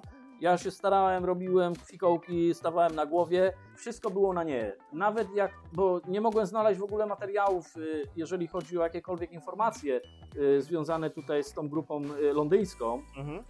Starałem się to wesprzeć informacjami, które znalazłem na temat Żydów mieszkających w Polsce, tych Hacydów, czy, czy ten, czy w Stanach Zjednoczonych, Mhm. gdzie jest więcej informacji na ten temat. Mhm. Nie, zawsze było nie, bo to musi być Londyn, bo ty robisz o grupie londyńskiej, a nie polskiej. Mhm. Jeżeli stosujesz informacje polskie, to one muszą być przetłumaczone na angielski, bo stosujesz po angielsku. Studiujesz po angielsku, nie? Mhm. Wiesz, to były takie, takie ograniczenia, które były nie, nie do przeskoczenia dla mnie. Ale powiedziałem, że nie. I w pewnym momencie on mi, powie, on mi e, y, nakierunkował mnie w ten sposób, że powiedział mi tak, słuchaj, jeżeli nie możesz to zrobić tego w ten sposób, to zrób to w inny. I ja sobie tak przemyślałem i mówię tak, no dobrze, no jeżeli to, jeżeli nie mogę znaleźć y, na przykład materiałów, jak ci ludzie żyją, nie, y, napisanych przez kogoś, ale przecież mogę zrobić wywiad. Mogę iść do restauracji i poprosić, żeby mi sprzedali swoje jedzenie. Mogę napisać swoją opinię na temat ich jedzenia. No Mogę napisać ciekawe, swoją to. opinię na temat, jak wyglądają y, Żydówki Mhm. hasyckie. Jak są ubrane, wiesz. Y, Styl życia. Styl życia, Mhm. jak rozumiesz, wiesz, y, jak się spotykają, Mhm. jak ja je widzę na, na ulicy i tak dalej.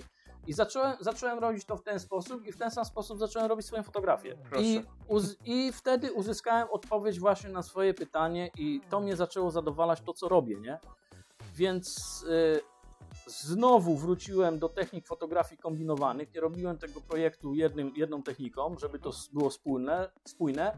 Robiłem kilkoma technikami, ale zaowocowało to tym, że z 10 zdjęć, do, maksimum było, bo my żeśmy mieli y, 6 do 10 zdjęć y, do oddania na projekcie, 8 do 10, przepraszam, na projekcie, to z 10 zdjęć Jaron sam wybrał 15.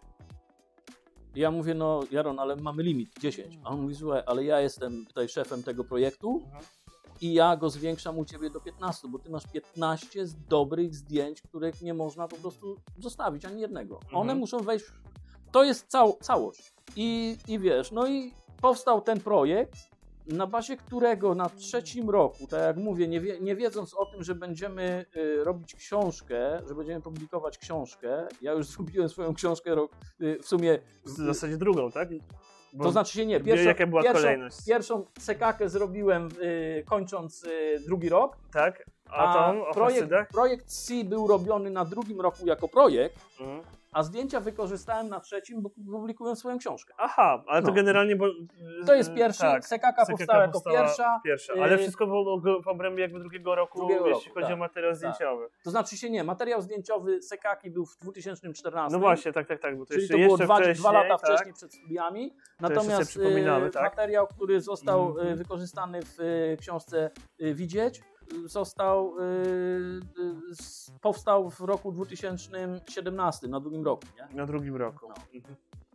No, to jest właśnie bardzo ciekawa historia, że pewnie niektórzy zaczynali dopiero przygodę z książką, a ty już miałeś materiał na wie. Tak, Zrobione właściwie, tak. tak? To y, profesor, który prowadził właśnie ten moduł, gdzie robiliśmy, y, gdzie wydawaliśmy tą drugą książkę, y, zaraz na samym początku powiedział, ale pierwsza się książka nie liczy. Robisz drugą. Aha, no. Wiadomo, że chciałoby się iść po łatwiejszej e, linii frontu, Chociaż ale... ja nawet o tym nie pomyślałem. Ja nawet o tym nie pomyślałem, żeby. Często żeby, tak wiesz, jest, no. że jak robimy jakiś projekt, który już jest zrobiony, Mhm. to jednak chce się sięgnąć po coś więcej Tak. dalej, szczególnie, że jak, się- jak, jak się od siebie wymaga, prawda? Bo chociaż Dokładnie. zależy też, jak bardzo męczą pewne sytuacje, nie? Bo to też Mhm. trzeba mieć tego świeżą głowę. No akurat jeśli chodzi właśnie o studia tutaj, to jest o tyle ciekawe, że jeżeli masz fotografię, to poruszasz się w obszarze tylko fotografii. Mhm. Jak jesteś na projektowaniu graficznym, no to bardziej to projektowanie wybierasz sobie działkę, czy to będzie ilustracja, Tak. czy to będzie animacja. No w Polsce to masz wszystko skondensowane i też troszkę żałuję, bo na przykład tu jest właśnie ten taki duży minus, e, kiedy my w Polsce właśnie skaczemy pomiędzy właśnie fotografią, rysunkiem, malarstwem, rzeźbą, historią sztuki, filozofią, e, percepcją widzenia i tych przedmiotów się mierzy, mm, dużo jakby kumuluje, Mhm. i trzeba z każdego mieć zaliczenie, nie? że to na Tak. semestr wychodzi po kilka albo nawet do kilkunastu przedmiotów czasami. Mhm. A tutaj jednak ciągle masz tą fotografię i nawet jeśli to jest artystyczna y, działka, gdzie trzeba pisać eseje, no to dalej to jest wokół fotografii, Tak. a nie wokół Tak. y, rzeźby. Tak? Mhm. E, Jest to bardzo ciekawe. Hasydzi, e, bardzo odważny projekt, bardzo interesujący pod kątem trudności wykonania. Ryzyka, jakie Mhm. mm, podjąłeś, ponieważ no, też mogłeś się spodziewać tego, że ktoś mm, może cię za to, nie wiem, co, poniszczyć ci sprzęt, albo w najgorszym wypadku, nie wiem, zasadzić kosę pod żebra, tak mówiąc językiem ulicy. Nie Bałeś, sądzę- bałeś się tego typu historii? Nie, nie sądzę, nie sądzę, y, że, że nie, nie sądziłem, że, że takie coś mnie spotka, dlatego że ja wiedziałem, że y, społeczeństwo hasyckie jest bardzo zamknięte w sobie.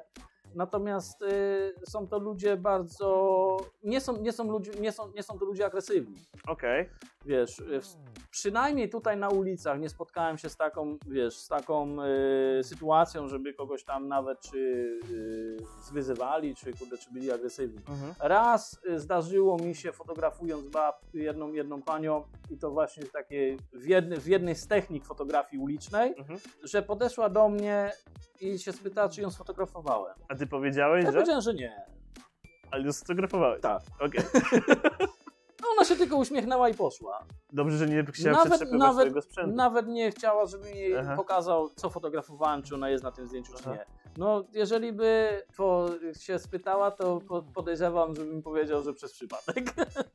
Chyba trzeba było wtedy kombinować, tak? Bo to jest w momencie, kiedy ty wyciągasz aparat właśnie tam w tej dzielnicy na ulicy i markujesz, tak? Mhm. Ten ruch. Opowiadałeś No. tę historię, że Robi się. Robi niby się celowałeś tak. e, na budynek, a w ostatnim rzeczy, momencie, w ostatnim tak, momencie, w ostatnim tak. momencie prze, przekierowywałeś, robiłeś Przekierowywałeś zdjęcie i to- wracałeś z powrotem. To, tak, to było, to było już ta odwaga po tych właśnie takich mocno zdjęciach ukrycia, już w pewnym momencie No. zacząłeś robić na widoku Ale wiesz, y, jeżeli chodzi o fotografię dokumentalną, Jaron nam powiedział... Reporterską. Reporterską, no dokumentalną, tak.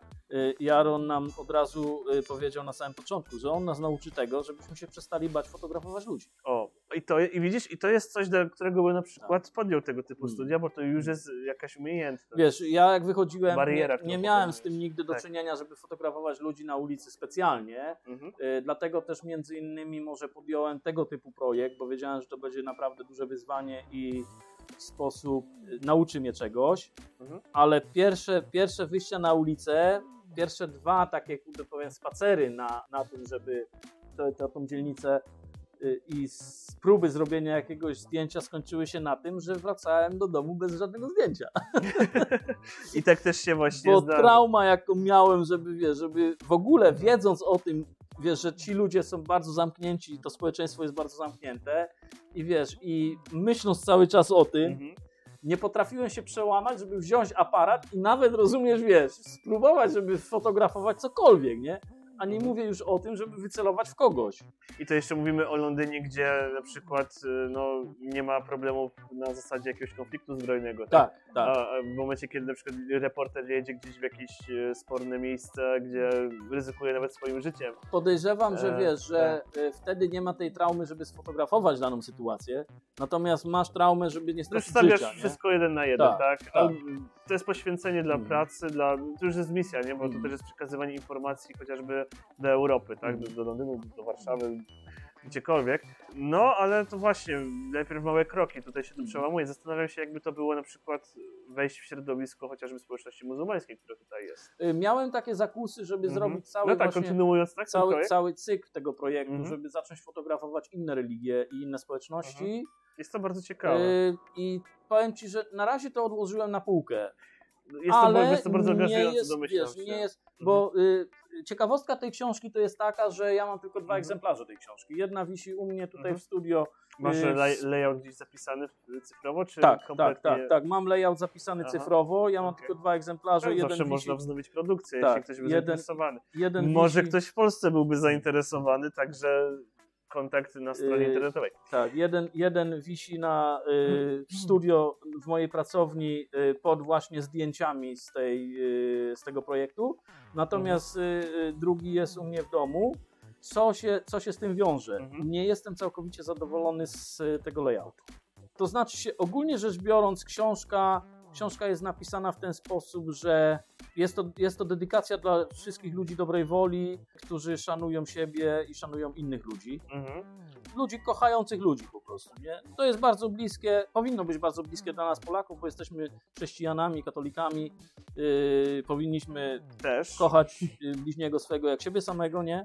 No, Nie właśnie- zawsze, się to, nie zawsze się to pokrywa z tym, co ten. Prawda. Y, W każdym Mhm. bądź razie książka jest y, tego typu tak skonstruowana, że jest y, kilka zdjęć, jest napisane jak powstał ten projekt, dlaczego został ten, dlaczego powstał ten projekt. Jest też wyjaśnione co znaczy słowo C, dlaczego ja użyłem tego słowa jako tytuł. Jest, Bo w tłumaczeniu wolnym to jest znaczy widzieć, tak? Tak, to jest- to jest, to jest widzieć. dosłowne, czy ale jest bardzo ale dno? bardzo ciekawe jest to, że słowo w języku y, hebrajskim zaczyna się na literę Alef.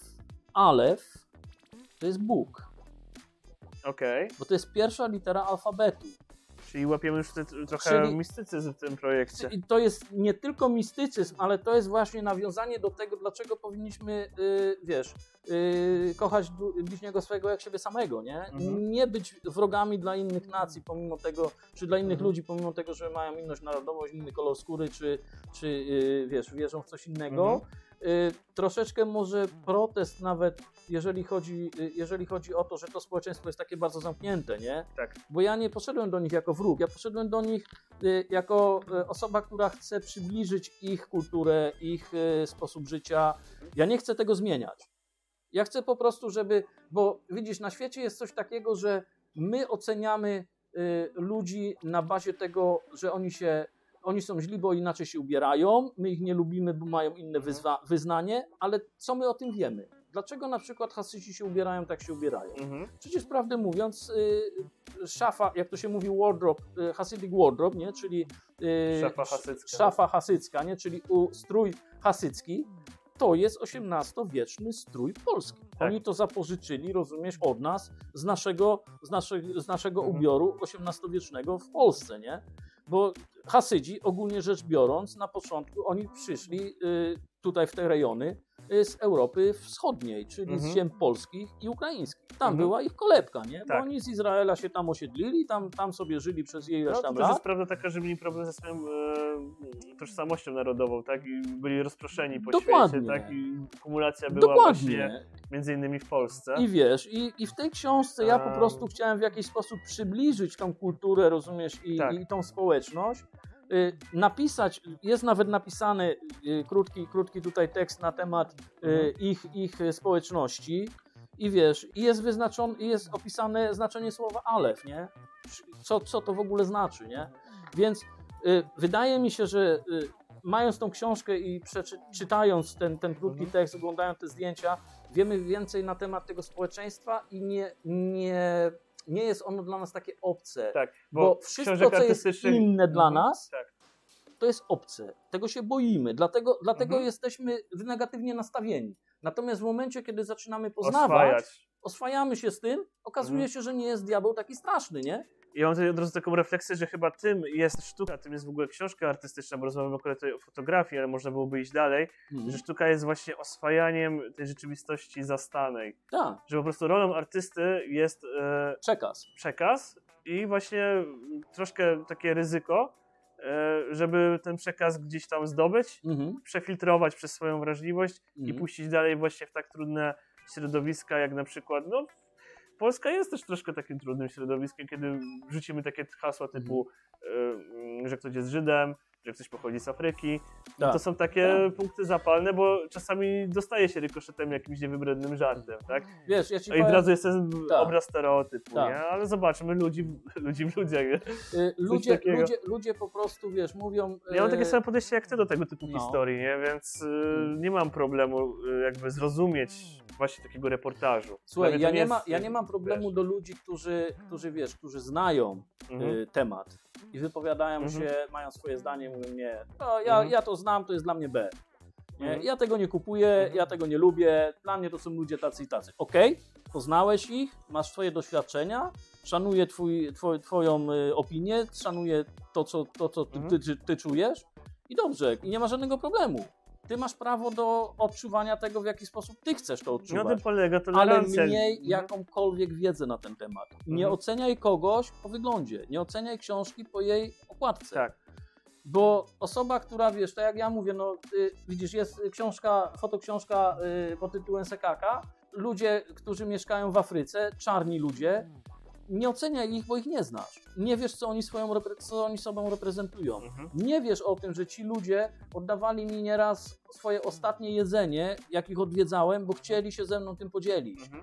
I nie mogłem tego odmówić, bo jeżeli bym odmówił, wiedząc nawet o tym, że Mhm. zjadam ich ostatnie jedzenie, zrobiłbym im przykro. Tak.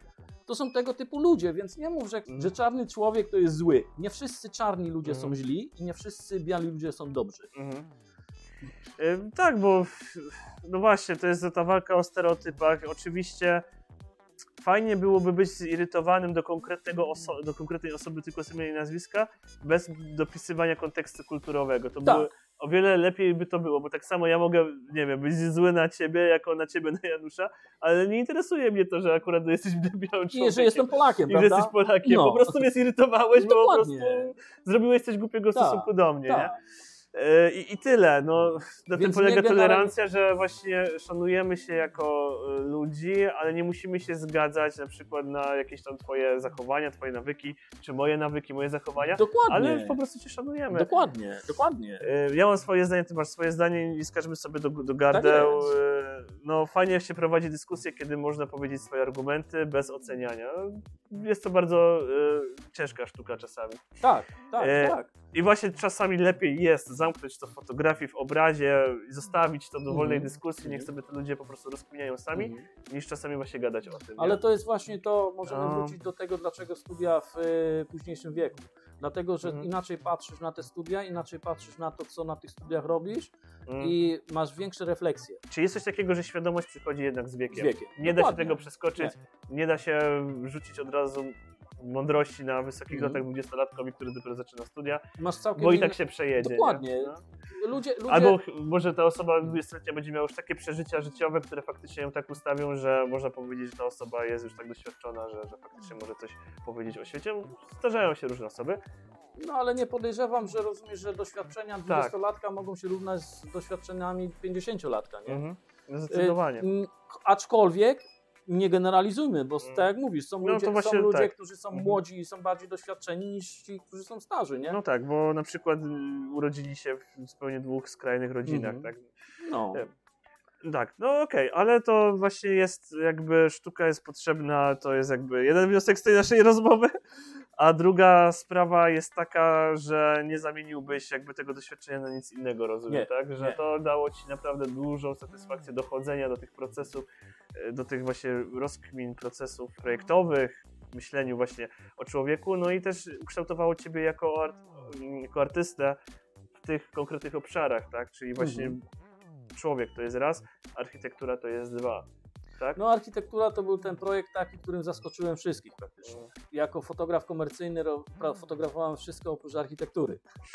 I później jak się dostałem na studia y, w miarę upływu czasu i w miarę schodzenia na kolejny y, poziom, nie, czyli kończenia tych poszczególnych lat, y, pierwszy rok, drugi, trzeci, zaczynałem troszeczkę inaczej fotografować. Miałem taki projekt, który się nazywa Motion in London, czyli to w jaki, czas w jaki sposób przepływa czas w Londynie, mieście, które praktycznie nie śpi.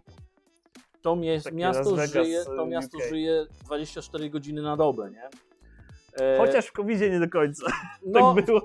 To było bardzo ciekawe. wyjątek tworzy regułę, nie? Tak, tak. tak. Ale ci powiem, że w y, COVID-zie tu bym się też z tobą nie zgodził, nie? Bo Ale szybko to wróciło, tak. Bardzo Chociaż, szybko. ale były te obrazki, No. pamiętamy, puste ulice, Mhm. no centrum Londynu. no, Zjawiskowe to było. Nie tak. dokładnie, bo ja akurat y, troszeczkę jeździłem po Londynie, wykorzystałem ten moment, bo była zniesiona ta opłata za wjazd do Londynu, Mhm. do centrum Londynu w czasie COVID-u. To było niby że dla pracowników właśnie tych związanych y, Mhm. z administracyjnych i tak dalej i, i tej służby zdrowia i tak dalej, Mhm. y, którzy musieli pracować w tym czasie. No i ja sobie wykorzystałem ten moment i też jeździłem do centrum Londynu, żeby robić tam jakieś swoje y, wyszukiwania. Nie? No tak, bo Okazało się, że w researche centrum tak. Londynu było bardzo dużo ludzi. E, Ale Nawet mówimy o którym okresie? O na samym pierwszy- początku, pierwszy- czy gdzieś tak później? W, pierwszy, słuchaj, w, pierwszym, y, w pierwszym lockdownie, pierwszy jest lockdown to był marzec. marzec, tak. To był marzec Dwa- 2020 roku. Ja jak tylko ogłosili ten lockdown i ulice stały się puste, no bo ja mieszkam poza Mhm. Londynem, mieszkam w Watford, y, ulica stała się pusta, to ja sobie postanowiłem, o, bardzo dobry okres na to, żeby zwiedzić Anglię. I wtedy sobie zacząłem jeździć po Anglii. Tym sposobem e, prawdopodobnie Zrobiłem do twojego... 5000 kilometrów. To jest raz, a dwa, twój bank zdjęć się powiększył i możemy się za kilka lat spodziewać, że może wyjdzie temat... Yy, I tu tej- widzisz cię za, zaskoczę, bo w- zrobiłem, zrobiłem, rozumiesz sobie, y, wycieczkę po Anglii, nie zabierając aparatu. detoks. Tak. No to Czyli- mnie zaskoczyłeś. Czyli zrobiłem Czy całkowicie... fotograf profesjonalny całkowity- może zapomnieć o, foto- o aparacie? Nie zapomniałem, zrobiłem to celowo. Celowo. No Zrobiłem tak, to tak. celowo, żeby Tak, nie, tak, tak się domyśliłem właśnie. żeby nie koncentrować się na tym, co mogę Aha. sfotografować, a skoncentrować się na tym, gdzie mogę wrócić, żeby zacząć fotografować. I mam kilka miejsc takich właśnie, wiesz, zapisanych, do których chcę wrócić, ale już, wiesz, yy, z aparatem i je sfotografować. Mhm. Co też jest bardzo ciekawą sprawą, bo troszkę to jest takie podejście dla y, scenografów, tak zwanych scoutów, którzy szukają Mhm. sobie lokacji, więc To jest typowy scouting. też To jest typowy potrzebują mieć scouting. taki Fotografii robisz to samo, robisz scouting Mhm. research.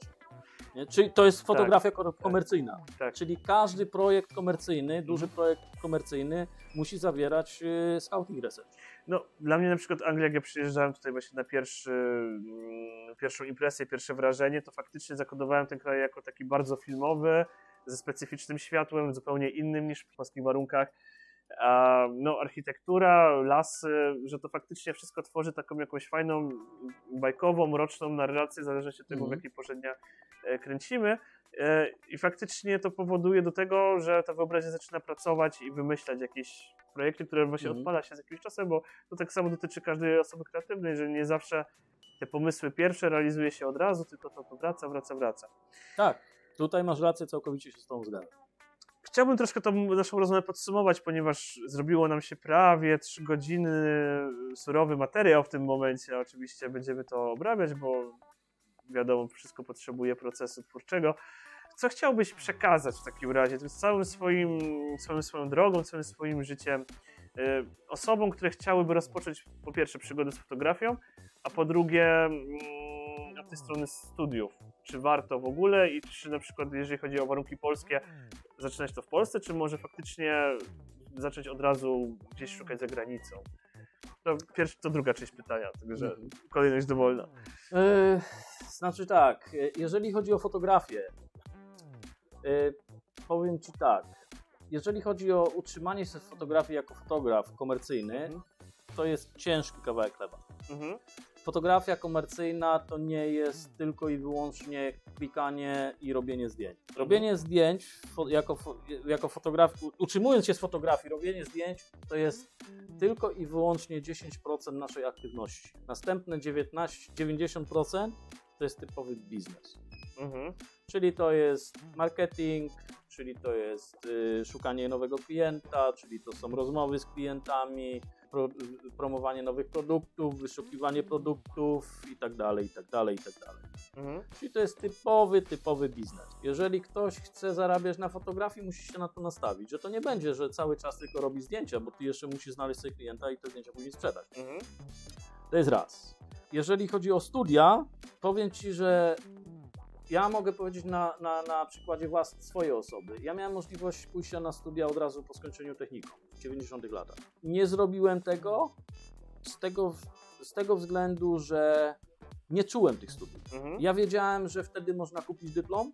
Wiedziałem, że są osoby, które y, skończyły studia, a nie powinny nawet skończyć technikum, które chodziły ze mną do, do klasy. Okej, to daje dużo, że tak powiem, no, dla wyobraźni Tak. I tamtych czasów. Tak, i stwierdziłem, Mhm. że nie będę stał w jednym rzędzie z tymi ludźmi. No tak, bo z czym innym jest praca uczciwa, czym innym jest Ja jestem za bardzo ambitny. Mhm. żeby, żeby mieć ten sam tytuł jak ktoś, kto rozumiesz, kurde go sobie kupi. E, Poza tym y, wydaje mi się, z perspektywy czasu wydaje mi się, że jeszcze nie byłem na tyle dojrzały, żeby, żeby Mhm. y, iść na te studia. Y, Nie czułem tego. Skończyłem z y, technikum techniczne, Mhm. obróbkę skrawanie. Dla mnie no, wyjściem takim była Politechnika, nie? Czyli też studia techniczne.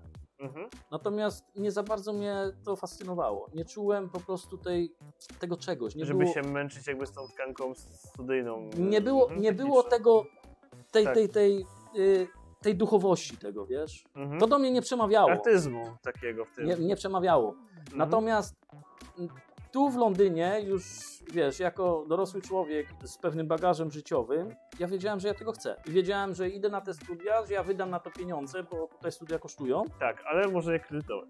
Można je co? kredytować, tak, można je kredytować. Na całkiem Yy, dobrych warunkach. tak. Chociaż tak. teraz już wyszliśmy z Unii Europejskiej, więc to jest troszkę To podejrzewam, że już teraz, teraz nie będzie można. Ale jeszcze są Niemcy i tak dalej. No, Także- ale w, każdy, w, każdym, w każdym bądź razie ja wiedziałem, że, że to mogę zrobić, że Mhm. ja tego chcę, że to jest coś, co chcę robić w, w swoim życiu. Nie wiem Mhm. jak długo, ale wiem, że chcę to robić, że to mnie będzie fascynować, to mnie będzie kręcić, to mnie będzie bawić Mhm, i że ja to skończę i skończę na dobrym poziomie. mhm, Czyli wiesz, ja już byłem na to nastawiony, nie?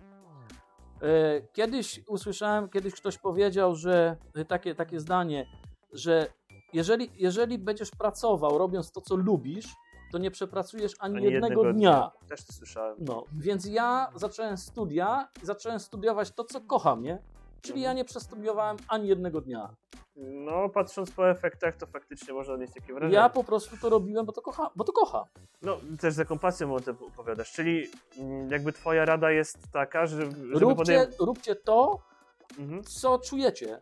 mhm, Jeżeli czujesz, że, że, że chcesz być studentem, chcesz.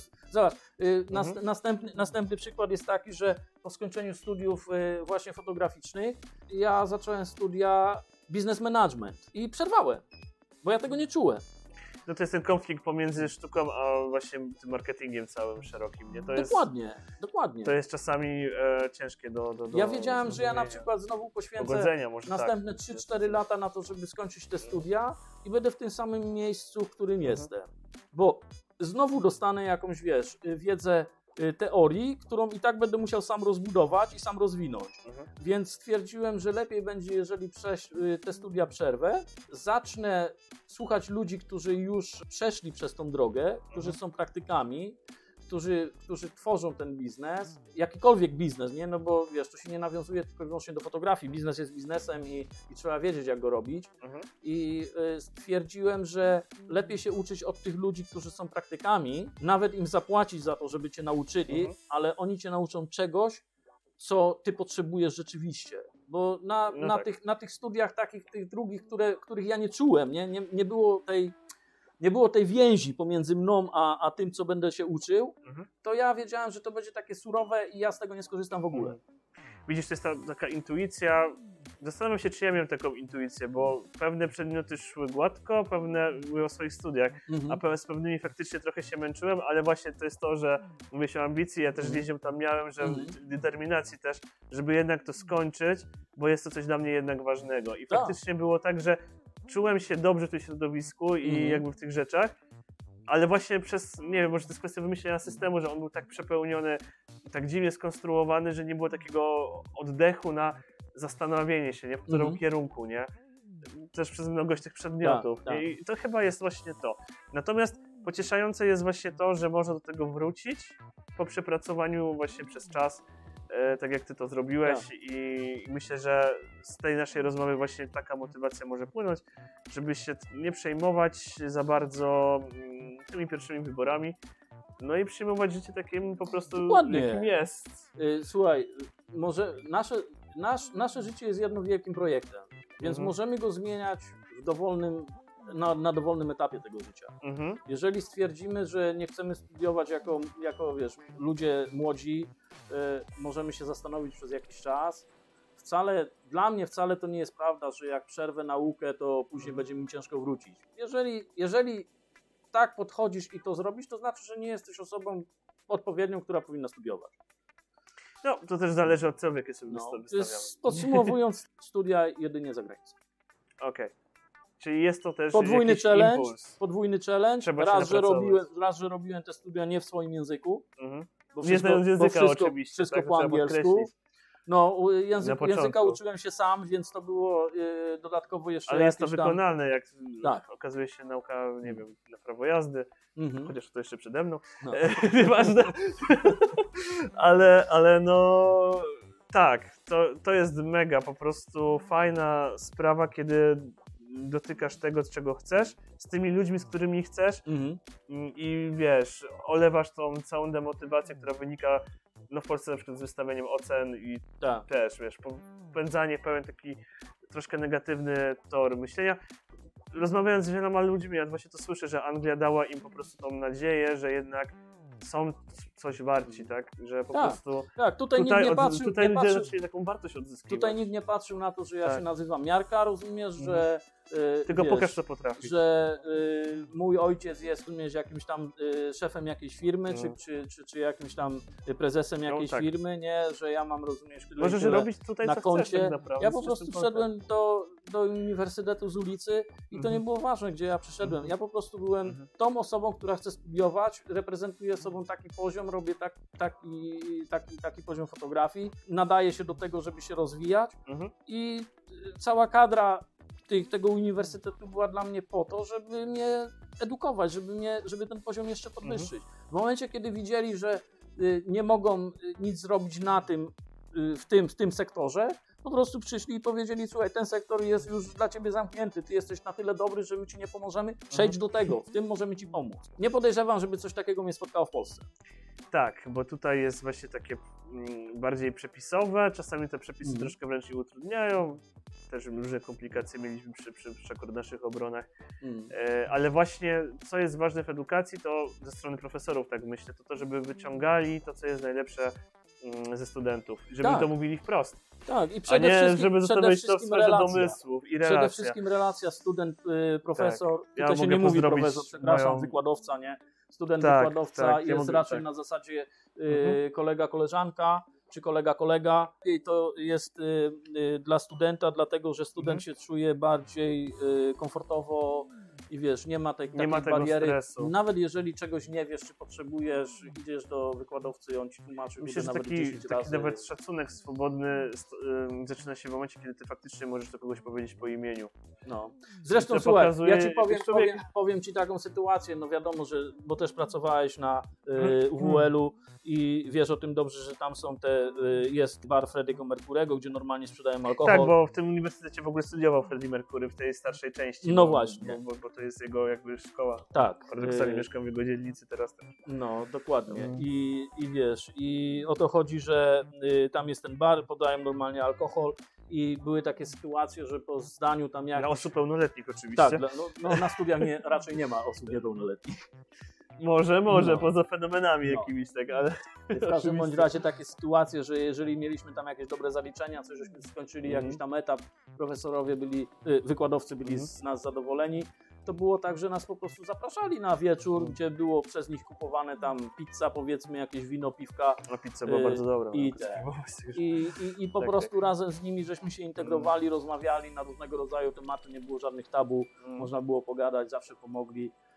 Y, Super. Dlatego no, wspominam, wspominam te studia bardzo dobrze i powiem szczerze, że jakbym miał wrócić, na UWL. Tylko. Także postawimy tutaj kropkę. Ja jeszcze na koniec chciałem zapytać, czego mogę Ci życzyć w takim razie na dalszy rozwój Twojej twórczości? Czego mogę Ci życzyć jak, jako, no właśnie, artyście, osobie z pasją Dobrego światła. dobrego światła i widoku na przyszłość? Jak nasze radio?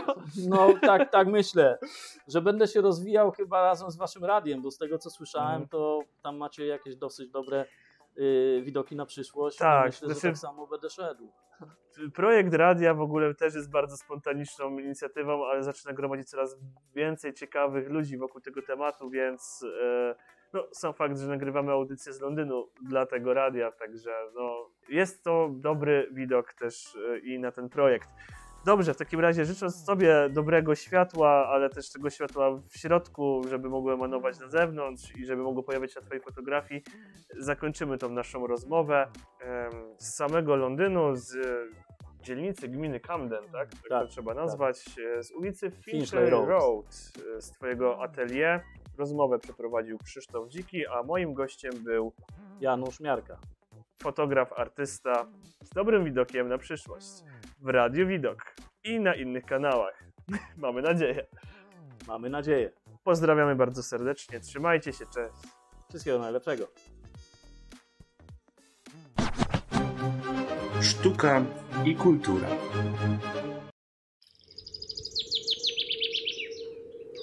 Radio Widok.